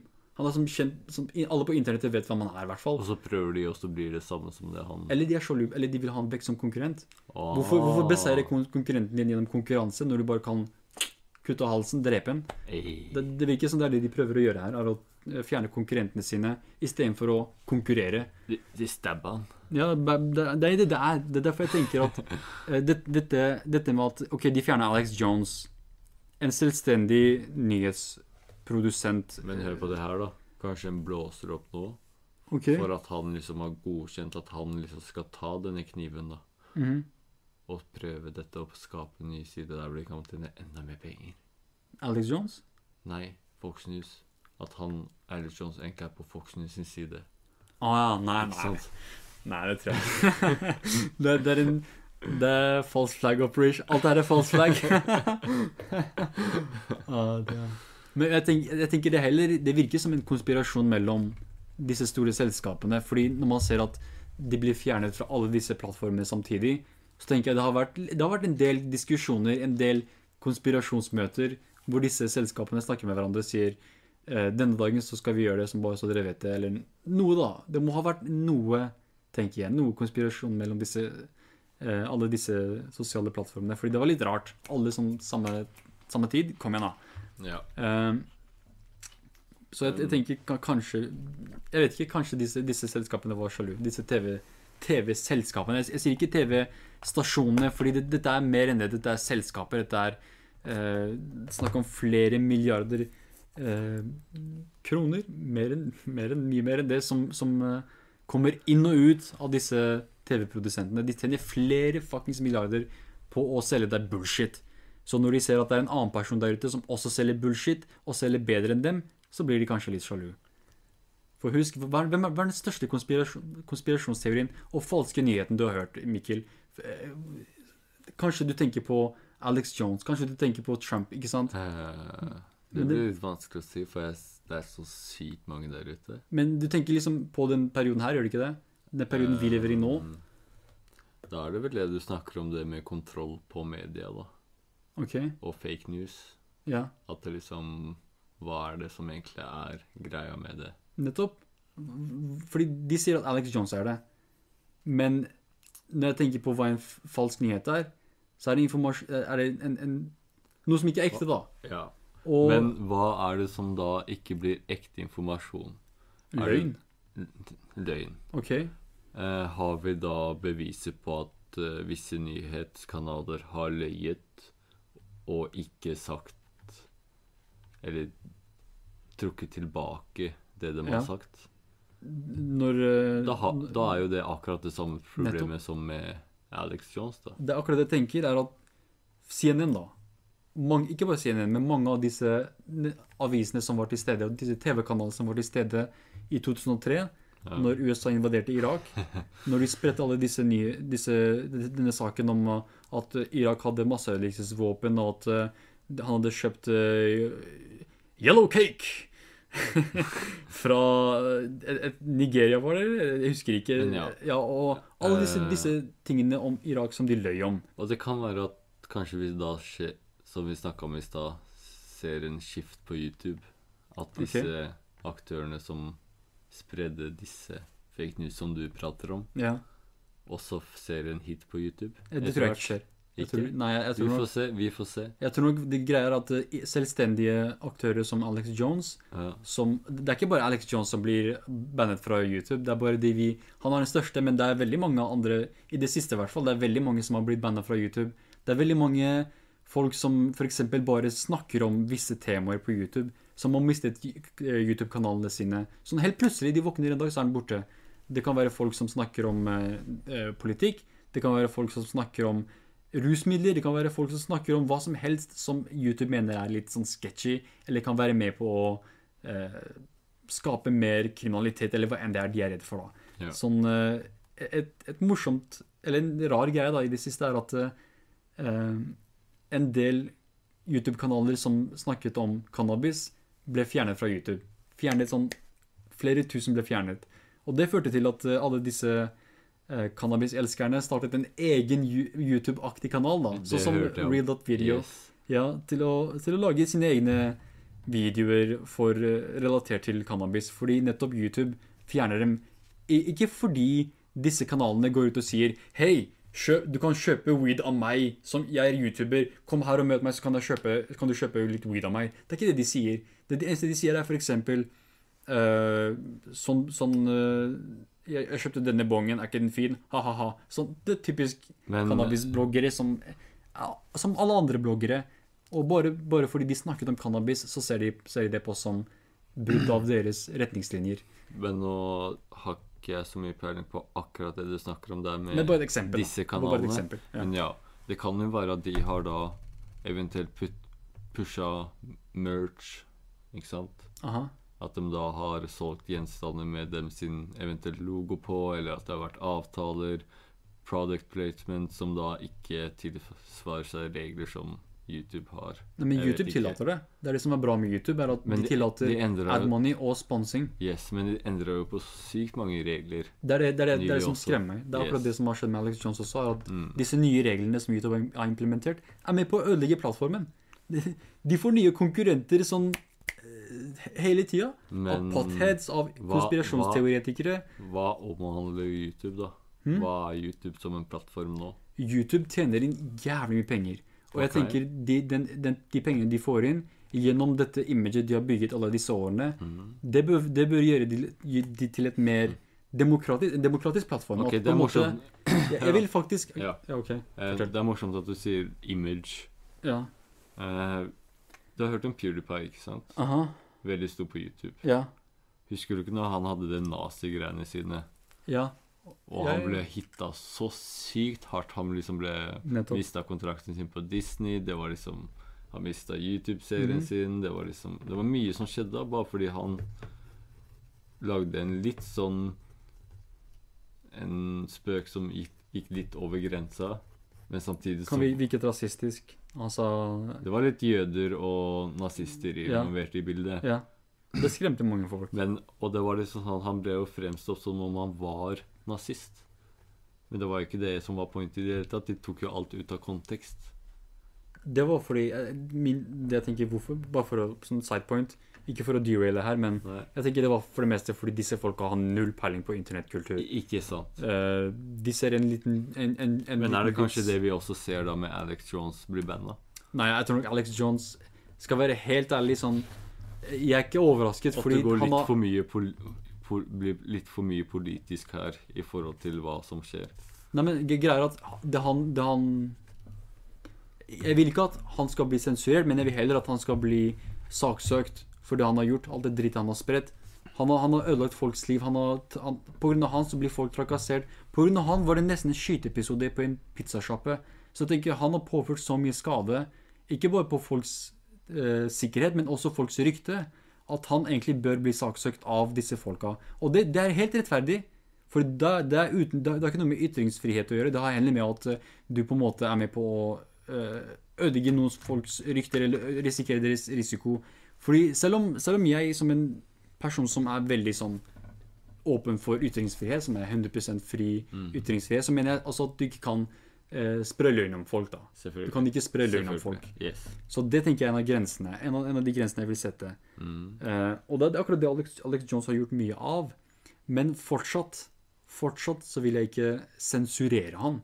Jeg tenker han bør, han bør bli saksøkt, greit, Yes. men ikke sensurert. Jeg vil ikke at han skal, han skal få tape over munnen sin. Nei. Jeg mener at selv om han til tider snakker dritt, selv om han til tider risikerer folks sikkerhet, så tenker jeg fortsatt at det er en viss verdi i det han sier. Ikke bare fordi eh, til tider så, så har han faktisk rett. Det er, det er veldig mye han har rett om også, selv om det er veldig, veldig mye mer han tar feil om. Så er det noen ting hvor han ofte sier sannheten. Men også fordi det hele det, det, den tanken om at vi har en som Alex Jones, en person som vi kan være uenig med, en person som vi vet tar feil. Eh, at, det, kan, ja, det kan være bra Yes. for oss, det kan være sunt for oss å både få vår, vårt, eget, eh, eh, vårt eget perspektiv på realiteten utfordret. At vi tenker ok, stopp, nå må jeg stoppe litt og tenke på det han sier her. For han, han sier at det er sånn, men eh, basert på min erfaring er det sånn. Så hva, hva er riktig her? Og det er sånn du, du, du sånn, eh, gjennom, gjennom en lang periode da, som oss alltid kommer tilbake til, hva som egentlig er sannheten, ved å, ved å ofte bli utfordret. Um, så den, det- den aspektet tenker jeg er Er det det vi mangler her, da? At det er ingen som har utfordra Alec Jones? Det har vi, det har vi mer enn nok av. Men han- Kompisprat er en av de som Men ofte han- men- kritiserer Alex Jones. Men ja. Det finnes veldig mange som kritiserer det, men jeg tenker at det Og det, det er jo bra. Det er, det, er, det er med på å skape mer debatt og diskusjon. Det er, det er flere folk Se, der ute som hva- kan hva er kritisere er, han. Hva er det som er problemet med at han må forlate YouTube alle disse andre plattformene? Fordi nå kan ikke folk på YouTube for eksempel, da, som, som ofte kritiserer Alex Jones, lenger ha en diskusjon med Alex Jones. De, de vil ikke være på samme ikke? plattform. Fordi han ikke er der lenger. Nei, men de kan fortsatt være på Twitter, da. Nei, men Twitter også, han ble jo nylig eh, Var det timeout? Han kunne ikke tweete på en stund. Men det, hele poenget er at det blir vanskeligere nå. Hvorfor gjøre det vanskelig? Bare la, la Ja. han fortsette å eh, sånn, snakke dritt, men la privatfolka som, som faktisk Kanskje, har kanskje YouTube heller burde ha lagd en sånn der warning, da, når du gikk inn på siden hans, eller så på noen av Ja, videoene det, hans. det kan du gjøre. Det, For det eksempel en ad der hvor det sto Hei, det du ser på nå, er kanskje ikke helt sant. Det vil være litt eh, for sånn Tror du det? Da, da kommer folk til å si Nei, Å, sånn YouTube, som. YouTube velger sider her. Men hør da, det er litt Sånn- sånn som de hadde på MTV da, når man så på Jackass. liksom, hvis du ser Eller det du skal se her nå, kommer mest sannsynligvis til å skade deg eller noe. Ikke gjør det hjemme. Ja, og ikke tro på det du ser her. Ja, ikke sant? Nei, men når, hva er grensen da? Konspirasjonsteoretikere? Hva med, Ja, hva med folk som eh, hva med kompisprat som ofte Nei, men- spår ting? Jeg vet ikke. Ja. Det Det greia er at det er veldig sånn Det er lett å Det er lett å bare Vi sier, Det er vi sier vanskelig å en ting, lage- ting, og det så er- blir det plutselig dra Ja, masse annet med Det er vanskelig å lage en grense på det. Det er det. Det er det. Så la oss bare ikke lage en grense, tenker jeg. Yes. La oss bare prøve heller å uh, være litt voksne. Prøve å tåle at det fins folk der ute som har utrolig dumme meninger, og at istedenfor å be de holde kjeft, så skal vi si La meg fortelle deg hvorfor du tar feil, dumme jævel, istedenfor å si eh, Du er en dum jævel, og derfor skal jeg ikke la deg snakke. og heller utnytte Alex Jones. Vi- Der, vi kan utnytte han. Clickbait. Og, ja. Det Yes. Jeg har jo lagd videoer hvor jeg spør sånn Er Alex Jones crazy, eller er han bare dum i huet? Sånn, det er greit å kritisere personen, så eh, Men, men når, når du sensurerer han, så blir det vanskelig for meg, eller folk som meg, eller folk som kanskje har mer innflytelse enn meg, Ja. eh, som faktisk kritiserer han. Som for eksempel Men du, eh, det, det folk på ingen nyhetene. Ja, men her, det stopp, stopper det noen der for å gå på hans side, nettsider? Men det blir bare han fans, blir det ikke det? Folk som, eller, for, eller visse journalister som er sånn holder øye med Alex Jones. Jo, jeg vet ikke. Ja, men jeg, vet ikke, jeg, vil- jeg vil bare Det er jo også det er veldig mange som sagt, det er veldig mange folk der ute som kanskje ser på dette som et angrep på ytringsfrihet, i, den forstand at de går etter en som er på høyresiden, Ja. og dermed er det slik at uh, høyresiden ikke er velkommen på YouTube, og at uh, YouTube kanskje er mer på den venstresiden, da. Og bare for å, si, for å få det sagt, det er ikke sant. YouTube er ikke på venstresiden. De har uh, bandet like mange folk på venstresiden som på høyresiden. YouTube er heller mer eh, eliteorientert. Sånn, de er heller på eliten sin side. De er heller på CNN, Fox News og disse andre medieorganisasjonene og Washington sin side enn noen andre. En, eh, de, de kunne ikke brydd seg mindre om selvstendige folk. Som Men YouTube er jo bare mer nyheter og Det er jo det. alt det pisset. Det er gaming, det er Ja, men jeg tror nok det er dette som er viktigst, er det ikke det? memes, Sånn nyheter, informasjon, det er jo en viktig del av det, er det ikke det? Sånn, Content. jo. Det er så stort. Det er så sykt mye mer enn bare akkurat det politiske ja men eh, greia er at det er det, men spillet som det blir brukt til. Jo da, men det er fortsatt en viktig del av YouTube, tenker jeg. For det er jo den eneste plattformen for visse folk å, å ha en stemme inn i politikken. Sånn som uh, Secular Talk eller TYT, som bare var YouTube-kanaler, men så produserte Eller så startet de Justice Democrats, som nå har vunnet flere valg. Så det er en sted for veldig mange folk å uh, spre informasjon på. En annen måte å tenke på det. uh, hva var det vi gjorde med sånne folk før, da? Folk som Saksøkte dem. Gjorde vi det? Før, ja. se, før YouTube, før sosiale medier, Ja, ja, før for lenge siden. Før, før internett. Når folk skrev aviser, Lenge før internett, yes. Hva skjedde da med folk som spredde falske nyheter? de ble saksøkt. Sånn, privatpersoner saksøkte det, men de ble ikke sensurert. De blir Men hva, eh, hvorfor er det ingen som har saksøkt han ennå? De har det. Veldig, han har veldig mange Hva har skjedd da? Ja, noen ganger er det sånn, jeg vet ikke Det, det, det forrige søksmålet, tror jeg, forrige rettssaken, Ja. så ble det f.eks. avslørt at uh, han, han bare spiller en karakter, eller at uh, han bare later som, eller det, det var veldig mye sånne ting som ble sagt. Men uh, det er mange som fortsatt pågår. Men jeg har ikke, jeg har ikke studert nærmere hva resultatene av alle søksmålene har vært. Men eh, jeg vil i hvert fall at Chobani, tror jeg det heter, det er sånn yoghurtprodusent som har saksøkt Alec Jones fordi han, han sa at eieren av den, det yoghurtselskapet, som forresten er kurder, eh, at han eh, støttet terrorisme et, eller annet. Sånn veldig sånn falsk, da. Som sånn, på en måte ødelegger rykten til, til denne yoghurten.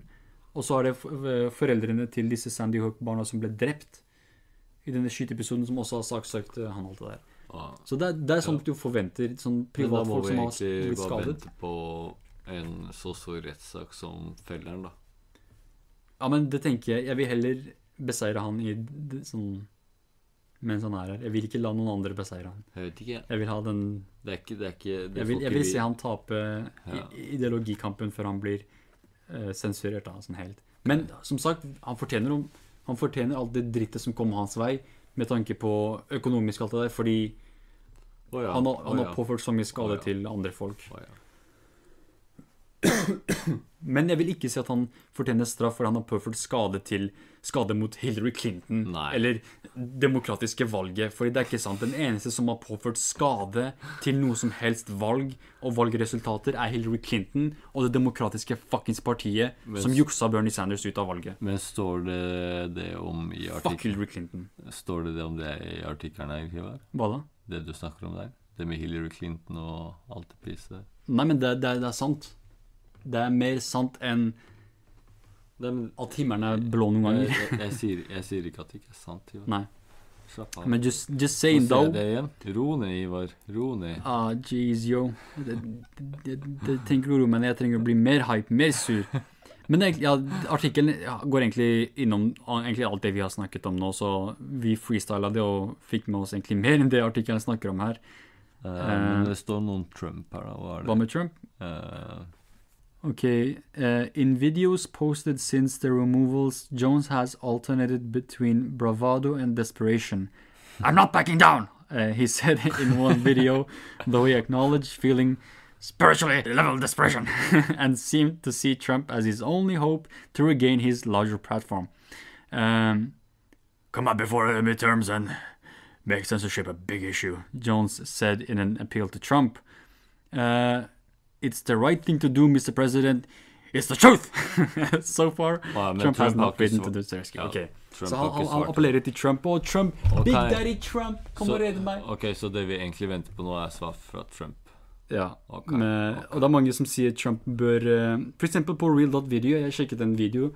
eh, en dude med heftig, heftig bart og en eh, veldig fin uh, cowboyhat med et stort amerikansk flagg bak seg, snakket om dette her med at kanskje Trump bør gå etter eh, sosiale medieplattformer som YouTube og Facebook, på samme måte som han gjorde i Nord-Korea. Sånn Du vet jeg kan knuse dere, du vet jeg kan knulle dere opp. Du trenger bare kødde med meg en gang, jeg knuser deg. Så ved å bruke den getto-ass eh, Nei, diplomatien, så skal han kunne få Ja, han får, jo- på han får vel ikke gjort noe mer enn bare i Amerika. YouTube kan jo fortsatt være i, i Europa. Vet du hva jeg tenker, du eh, vet du hva jeg tenker løsningen kan være? En løsning kan være da? Er å introdusere sosialisme. Hvis vi har det slik at YouTube, Facebook og disse, disse plattformene, da At du må At du må skatte dem, da. Du må skatte dem, du må regulere dem. Du må gjøre dem til en slags statlig institusjon, hvis du forstår hva jeg mener med det. Sånn at de på en måte er eh, på, like statlig som eh, NRK? NRK. Ja. At eh, ikke bare skatter vi dem, ikke bare får vi my- mye penger fra- det, ikke bare har vi reguleringer på det, men de er også, disse brukerne av disse plattformene er beskyttet under loven. Fordi Right. Facebook kan banne deg hvis du f.eks. sier n-ordet, men staten kan ikke saksøke deg, eller staten kan ikke straffe deg fordi du sa n-ordet. Og det tenker jeg de samme rettighetene som man har i samfunnet ellers, bør gjelde også for Eh. selskaper og disse medieplattformene, da. Kan man ikke bli straffa for det i Norge? Hvis man sier det ute i gata, hvis du sier det til, til kompisen din, eller Nei, jeg tror ikke det. Eh, Jeg tror nok hvis det er sånn mer sånn hatytringer og sånt, Yes, okay. men det er som sagt Alle stater har forskjellige, forskjellig syn på hva ytringsfrihetens Så- eh, men grenser er. Det ordet har vel rett og slett bare blitt litt mer sånn slang Ja, men det er bare et eksempel på Ja, sånn yes. Når man, når man sier ting som ellers ikke Ja. er akseptert i samfunnet. Um, men så jeg tenker kanskje det hadde vært greit å uh, på en måte tvinge på statens lover om ytringsfrihet. Det tenker jeg er en, en grei ting. Ytringsfrihet. Å tvinge det på medieplattformer som eh, YouTube, Facebook og eh, Apple og var? Spotify. Så jeg tenker det er greit. Sånn, introdusere sosialhjelpen på den måten. Fordi på den måten så vil, så vil eh, folk som Alex Jones, men også alle andre, være beskyttet under eh, loven. Ja. Eh, Interesting. ja, vel, for nå så er det det eneste, eneste jeg kunne komme på med, med denne saken, men eh, det var egentlig, jeg ville bare snakke litt om dette med Alex Jones, for jeg har ikke snakket om, om det i det hele tatt. Det virka som du fikk ut litt uh, steam her, ja, Ivar. ja, jeg ble litt, ja, jeg, fikk slappet litt av. Yes, Så la oss ta en kort pause egentlig. det gjør vi. Så kommer vi tilbake og stiller et interessant spørsmål om borgerlønn. Borgerlønn. All right, da er jeg tilbake, og nå skal jeg spørre deg et spørsmål her, Mikkel. Og det er dette med borgerlønn. Så borgerlønn går ut på at staten skal gi alle borgerne i, la oss si Norge, da, Mm. en viss antall lønn. Og for, bare for eksempel, la oss si 200 000, så er dette noe du kan tenke deg? Um, så de som får borgerlønn, får 200 000 i året? Mhm.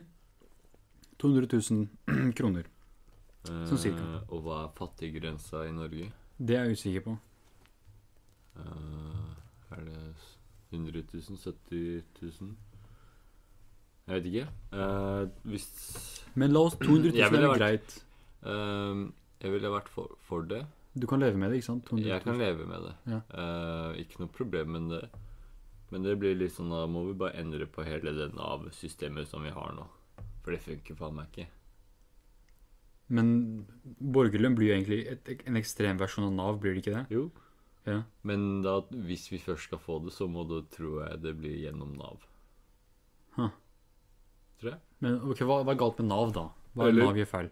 Mye Eller jeg vet ikke om Etter din mening, din opplevelse, hva vil du si er Hva jeg har hørt, så er det veldig mye rart som foregår. Ok. Og, men det er, jeg tror ikke det er bare Nav, men det er litt sånn der med barnebidrag nå. Og rett og slett penger som blir sendt ut av Norge, da. Alright. Av folk som ikke bor i Norge, Yeah. som også da får støtte. Sånne Alright, ting. Okay. ok. Så barnebidrag og litt Jeg vet ikke. Ja, ja, ja. Um, men at vi fortsatt trenger det. Men at vi kunne ha gjort så mye bedre med det systemet vi Hmm. Ok. Men sånn, hvis vi har et borgerlønnssystem, hvor er de pengene skal komme fra? Fordi, la oss, la oss si at uh, visse borgere, ja, de, de sender pengene ut, Mm. eller de bruker kanskje ikke pengene her i Norge, men hvor er det vi skal hente pengene fra hvis vi skal ha det? Det vet jeg ikke. Det, det, er, det er vel mye Jeg tenker det er kanskje mye eh, bortkasta penger der ute. Eksempel, én ting er da hvis vi har et eh, legalisering av rusmidler ikke- Sorry, ikke for å deraile samtalen her helt, men hvis vi har det, da, så har vi en skatteinntekt for, fra disse salgene på cannabis eller LSD eller psilocybin eller hva enn det er. Og vi bruker disse pengene til å eh, ha en slags borgerlønn. Eller eh, alle disse store selskapene, disse selskapene som eh, Jeg tror disse journalistene i den artikkelen også nevnte det. De som eh, sender alle pengene sine til disse skatteparadisene. Og dette gjør at eh, staten taper sånn rundt eh, Hva var det eksempelet de ga? 100 millioner, milliarder i året på skattetap på disse selskapene som skylder skjuler pengene sine i disse skatteparadisene. Og disse pengene, hvis de hadde blitt fordelt på borgerne på ett år, da hadde det vært mye penger.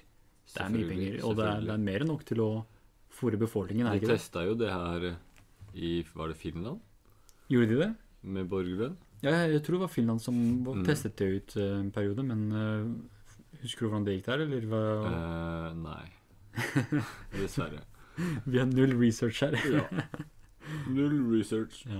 Um, Men man blir jo egentlig Sånn sånn som jeg ser på det nå, måten ting utvikler seg, måten teknologi utvikler seg, og industri og at visse arbeidsyrker yrker og visse eh, jobber, eller hva man kaller det, ja. forsvinner og blir erstattet av automasjon. Eh, et eksempel er når du går i butikken og du må skanne dine egne produkter.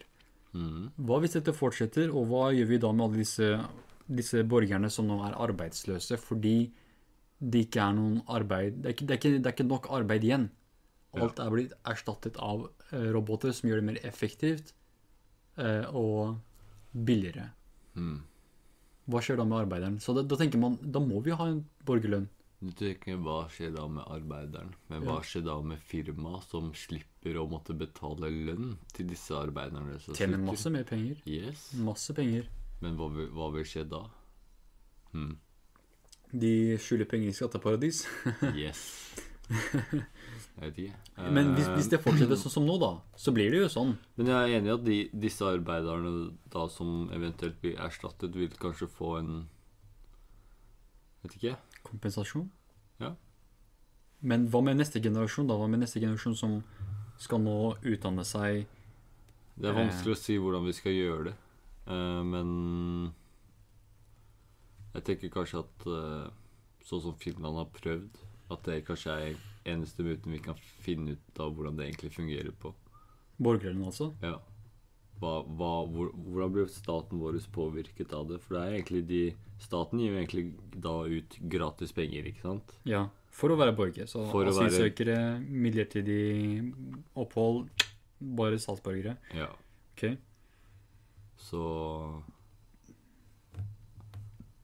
Fordi da vil jo de pengene også bli bare brukt til ting som går her i Norge, mest sannsynligvis. Så det bare blir putta inn i økonomien igjen? Yes. Ja. Så er, kan man si det som en investering?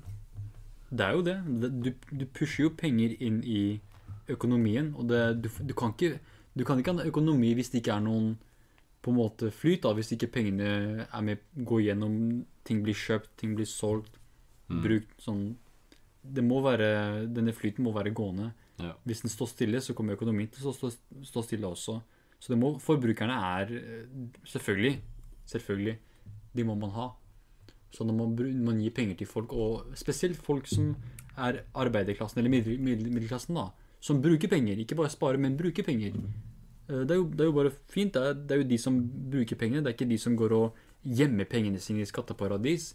De, de betaler skatten sin, de betaler bompengene, de betaler for bensin, de betaler for alle disse avgiftene. Eh, samtidig så betaler de for norske produkter.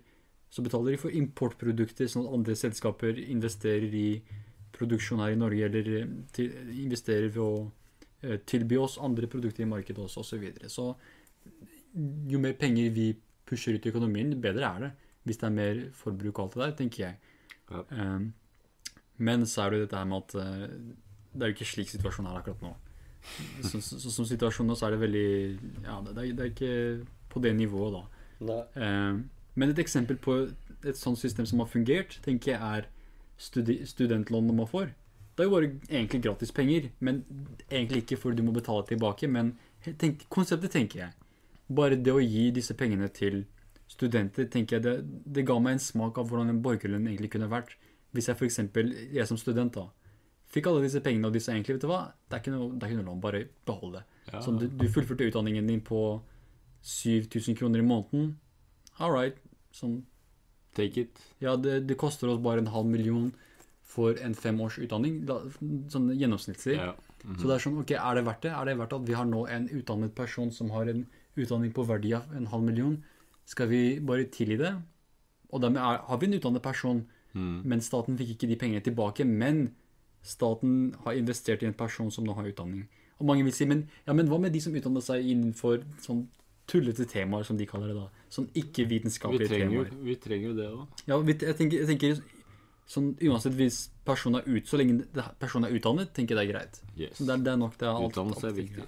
Ja, selv om det, dette er en person som jeg muligens ideologisk er uenig med, eller eh, som jeg ikke liker, samme faen, han, er, han eller hun er utdannet, så uh, vi, vi har i hvert fall det, det grunnlegget da, sånn at Ja. vi, alle er i hvert fall utdannet. Mm. Vi har en befolkning som er utdannet, som er velinformert, og tar riktige valg og selvstendige valg innenfor valg, f.eks.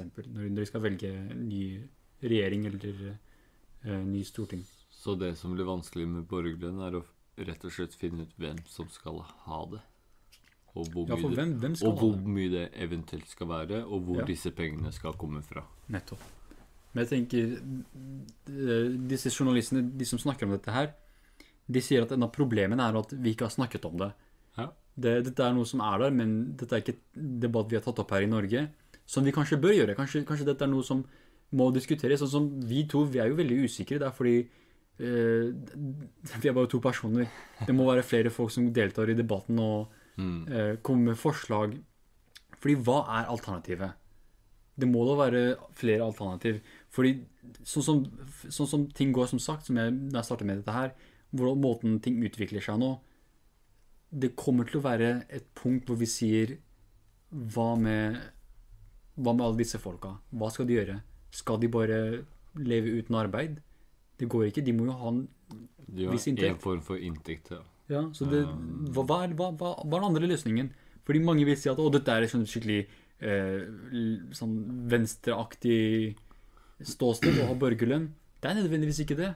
Det er mange e- eksempel. I den artikkelen de snakket om, så var eh, LO-lederen imot dette her. Og det er jo på en måte arbeidere slash worker slash Kommunism slash Nei da. Men de, de er jo ofte på mot venstresiden politisk. ja. Um, Men jeg tenker at Si da at uh, disse personene som får da en jobben sin erstatta da eventuelt av en robot, skal vi si det sånn vagt Ja.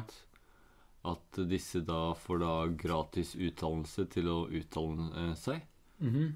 Som du sier, da, et Til noe annet. Ja, til noe eventuelt noe annet. Men som hva- de ikke har fått muligheten til før fordi de ikke har hatt penger. Men hva, hva, hvis vi kommer til et punkt hvor først og fremst hvor det har vært så mye automatisering at eh, at, vi, at, vi, at selskaper da kan nå betale for ut, ut, sånn, utdanningen til sine arbeidere, Ja. da må vi ha kommet til et punkt hvor utrolig mange andre arbeid, andre yrker i samfunnet har også blitt erstattet av roboter. Mm. Så hva er det som er igjen da? Man må jo tenke på disse yrkene som krever et menneske. Kanskje det er litt uh, langt inn i fremtiden for oss å tenke. Ja, Jeg Men vet ikke. et eksempel når jeg snakket om det her med å gå i butikken og skanne, skanne produkter. Eh, det er én ting, men det er også ofte hvor de skanningene ikke fungerer. Eh, hvor uh, Hvor eksempel noe ikke fungerer. Vekten fungerer ikke. Skanne, du ikke skanne, så du tilkaller Eller noen trenger hjelp. Ja, så da må det komme en person det, er, det er en eldre person som for ikke skjønner seg på hvordan det fungerer. Ja. Ikke sant? Og det kan være, det kan være liksom greit noen ganger. Yes. Men det fins også andre Eksempel Amazon. De har skapt Ja. en butikk hvor ting blir automatisk skannet, men når kunden plukker det opp. Plukker det opp, ja. Ja. Yes. Så det, da trenger man ikke hjelp i det hele tatt. Nei. Og man trenger egentlig ikke folk til å Men det er bare jævla creepy hvordan de har gjort det, da. Men det, det er sykt fremtiden. Det er, tenk deg, det er fremtiden, så arbeidere innenfor butikker f.eks. kommer til å bli helt unødvendig. Ja. Så hva gjør vi med de, da? Sånn, og hva gjør vi med eh, Ikke bare de, men kan, som sagt selv journalister. Hva gjør vi med journalister? Fordi man kan bare ha en eh, kunstig intelligens-data som eh, datamaskin som bare fort rapporterer det som har skjedd, eller som skanner gjennom hele Twitter og lager nyhetsoverskrifter, eller kan analysere eh, måten tusen journalister har skrevet på, og skrive en heftig artikkel selv. Så hva gjør man med journalister, da? Alle disse folka som eh, tar utdanningen sin sånn Å, jeg skal, jeg skal utfordre staten, hå-hå-hå, eller Å, jeg skal, jeg skal finne ut om korrupsjon og alle disse, disse selskapene, hå-hå-hå. Ikke egentlig. Det er sånn, du, går, du, du får ikke arbeid. Hvordan skal du gjøre alt det her når du ikke har en, en avis eller noe som kan ansette deg? Så det er ikke bare McDonald's-arbeidere og Rema 1000-arbeidere. Det er også journalister, det er også eh, ingeniører, det er også kunstnere. Det er veldig mange yrker der ute som vil bli erstattet av eh, superdatamaskiner. Det blir Eh, vanskelig å si, for jeg tror det kommer til å være Kanskje ikke eventuelt noe som er et problem når vi lever. Tror du ikke det? Jeg vet ikke. Jeg tror vi, er, vi kommer til å være Vi kommer i hvert fall til å se den Se den begynnelsen. kanskje når vi er gamlinger. Vi, Kanskje vi kommer til å sitte her og bare si No, it has started. ja. Kanskje har uh, Terminators allerede tatt over planeten. Dun, dun, dun. Men eh, ja, det var det, det var det spørsmålet jeg hadde om uh, borgerlønn. Eh, Borgerlønn er et vanskelig tema. Det er det. vi, jeg tror vi trenger mer debatt rundt dette her, spesielt i Norge. Som er, Ja. Vi må ha et system som er designet litt etter det norske systemet. Men uh, la oss bare ta en kort pause her, så kommer vi straks tilbake. All right, da er vi tilbake, og uh, så, Hva var planen, Mikkel? Hva tenker du? Jeg tenker vi kan prate om litt sånn mer aktuelle ting i Norges media right. i dag. Tilbake til Norge. Per? Sandberg. Per Sandberg. Yes. Ok, så, Hva syns du om hele den mediasituasjonen om Per Sandberg? ok, så jeg må bare gi kontekst først. Greia er at jeg var i Canada når Per Sandberg-skandalegreia, eller hva faen det enn er, Mm. først starta. Så jeg, jeg var ikke her til å analysere alle artiklene som kom ut. Fordi det inntrykket jeg fikk, var at det var det eneste mediet snakka om på en periode. Det var det. Sånn, det var tusenvis av artikler. Oh. Og ikke tusenvis, nå overdriver jeg selvfølgelig. Typisk, Nei, nei, typisk at jeg overdriver, men, uh, men jeg tenker sånn det var, det var jævlig mye artikler om akkurat det her. Men jeg fikk ikke sett så mye på det, fordi jeg, jeg, var, jeg var i feriemodus. Jeg tenkte sånn fuck nyheter, fuck alt det her. Nå skal jeg bare chille. Nå skal jeg bare slappe av. Men det jeg fikk med meg, var at Per Sandeberg var skrudd til Tyrkia eller noe. Og så var det slik at han eh, under denne ferien bestemte seg for å dra til Iran, Yes, med kjæresten sin, som også var fra Iran. som var perser sånn, i, Yes. Iran, fra Iran. Og det er liksom sånn der, noe som forbauser meg, da, Ja. er at plutselig nå Hæ? Skal du ha? ja. Gi, gi meg, gi meg. Nå, ladies and gentlemen, nå skal Hivar prøve snus for første gang Nei? på hva er det? Syv år? Vent, da. Vent, da. Ta den. Syv år. Er, er det her sterk? Ja, den er. Fuck! Ja, men jeg har Flaksen min, da. Helvetes er en sterk snus også. Ja, men med flaksen din. Jeg kjøpte en som var eh, litt Svakere? svakere. Det er bra. For jeg, jeg, jeg vil ikke passe ut. Jeg vil ikke spy som jeg gjorde sist gang jeg prøvde Eller nei, den er ikke svakere. Det er riktig. Jeg prøvde, faen- jeg, jeg, når jeg prøvde snus sist gang, så spydde jeg. Så, så saft er jeg når det kommer til snus-game. Nei, men du må ta den. Ta den her, sterke. Er du gæren? Nei, men den er eh, s- Så hva hva er greia? Jeg bare putter den opp i ræva? Sånn, hva- OK. Hvordan bruker man snus? Ta leppa di. Man tar leppa si. Man, Yes. man, man, tar, man, tar tak i leppa si sånn her. Man bare tar tak i den og bare drar den som bare helvete. Nei, du skal ikke dra som bare helvete. OK, ok, hva gjør jeg da? Du skal tørke litt. I, Tørke den? tørke over leppa. Seriøst? Ja, ja. What? Ja, lite grann. Så det ikke er helt vått der. All right. Men Også etter at du har gjort det, Ja, OK. så bare tar du posen, All right. og så skal du liksom bare legge langs tannkjøttet ditt og over, Gross. overleppa. Gross. Ladies and gentlemen, this is gross. Og så Jeg, jeg føler meg ikke særlig bra med akkurat det der, men jeg kan ikke snakke sånn her. Hvordan, hvordan skal jeg snakke sånn her? Herregud, det går jo ikke an. Nei, men nå gjør du det til noe. Jeg overdriver selvfølgelig. Ja, du gjør det. Og det føles bare så rart. Du har jævla liten overlepp, da. Så det Har jeg ikke- Du har det. Faen, er det p- p- prøver du å si, ja? At du har liten overleppe. Ja, det er det du prøver å si. Det er sant. Ja. Det svir. Det må, det må jeg si, det svir. Vet du hva annet som svir? Hva? Per Sandberg i, i media. ok. Yes. All right, Per Sandberg svir. Fuck Per Sandberg. Det, det er det første jeg vil si, egentlig. Fordi det jeg syns er så rart Bro, det svir. Men ok.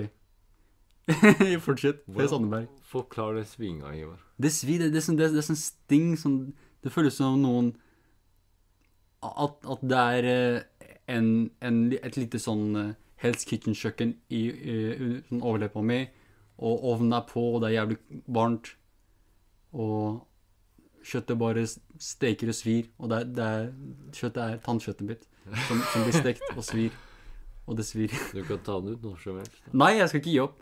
Som sagt, jeg spydde sist gang jeg prøvde det her, og Skal Jeg- du spy igjen? nei, Nei? nei. Hvorfor gjør du det? Jeg Jeg bare overdriver, OK.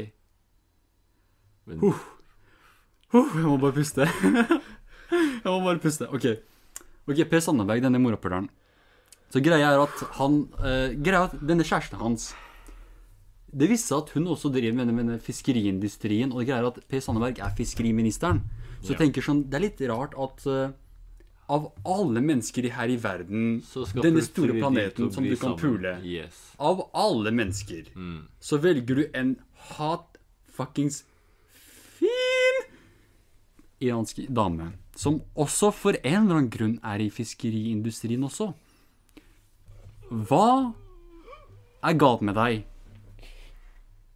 Seriøst, hva faen er galt med deg som av alle folk? For det første, jeg må bare forklare at jeg er ganske lei av alle disse hvite mennene som kommer til dette landet her i Midtøsten og ta alle våre fine eh, eh, Midtøsten-damer. Sånn, alle disse mennene som kommer her og tar jobbene våre og knuller datterne våre. Jeg er så lei av det. Vi, vi må bygge en mur for å skjule oss for alle disse hvite, gamle mennene som kommer til våre land og tar alle våre kvinner.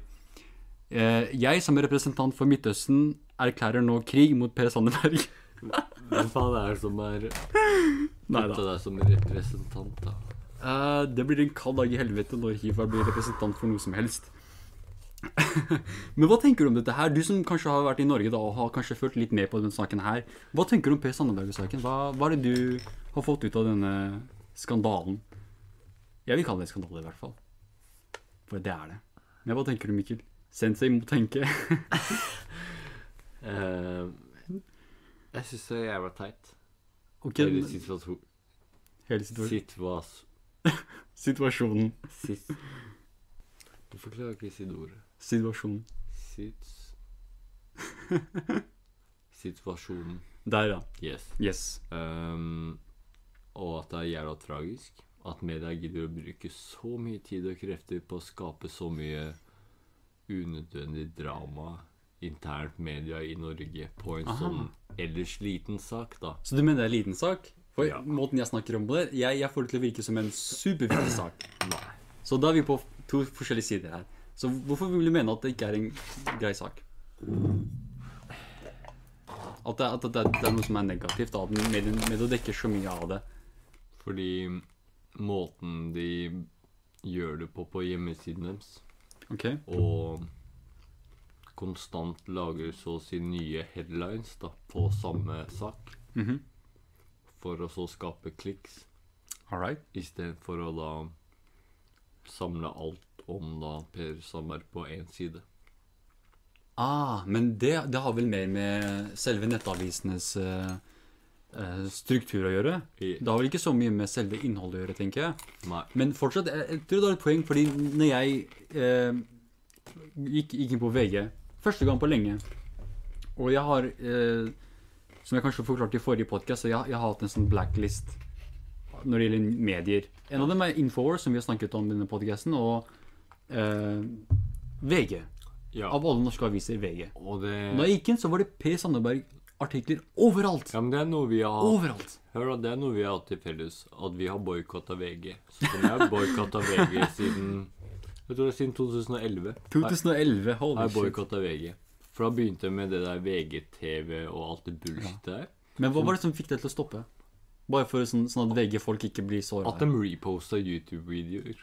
Det var det? Ja. Seriøst? Så enkelt. Og kjendisdrama. Ha. Skal jeg si det mitt, som er litt, litt mer sånn idiotisk, er at når vi satt, på, satt i timen i, på videregående skole, og vi hadde PC på den perioden, og alle hadde PC-en oppe, og gjett hvilken nettside alle var på? VG. Nettopp.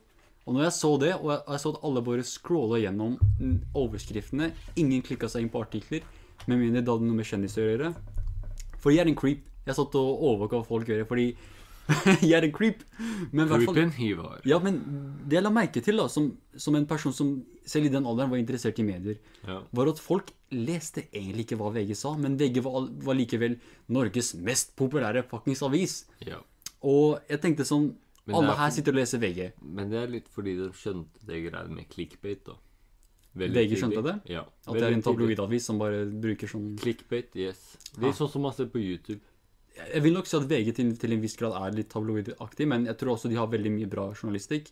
Ok? Noe som, noe som er grunnen til at jeg nå begynner å snakke mer om VG, for jeg leser Faktisk VG sånne nå. visse ting på VGTV har ikke vært så gærent. Nettopp. Det er, VG har faktisk noe greit. Yes. Det må vi si, fordi Mm. det, selv Kan ikke helt shame dem sånn. Nei. Det blir litt feil. Men som sagt, din, din, var, din hadde i hvert fall noe med innholdet å gjøre. Min var bare fordi at alle leste det. Og Jeg jeg tenkte innholdet. Du gjorde det? Ja. det gjorde jeg til en viss grad. Det var mye sånn feilinformasjon som jeg selv så der. Og noe som var, fikk meg til å bli skeptisk til det. Men, men problemet mitt var at ok, alle disse folka er på VG. Når, du- når du spør disse folka hvilken nettavis er det du leser, de sier VG, og så er de fortsatt likevel ikke informerte om visse saker. Mm. Og de har en viss eh, et visst perspektiv på denne saken som du kun vil finne hos VG, for en eller annen grunn. Og det, det, det er ikke ofte det er veldig sånn partisk, det er det ikke. Som sagt, VG, som veldig mange andre norske aviser, vil jeg si, er mer sånn heller eliteorientert enn eh, venstre- eller høyreorientert, vil jeg si. Selv om mange journalister egentlig hva, er hva tenker du på elite?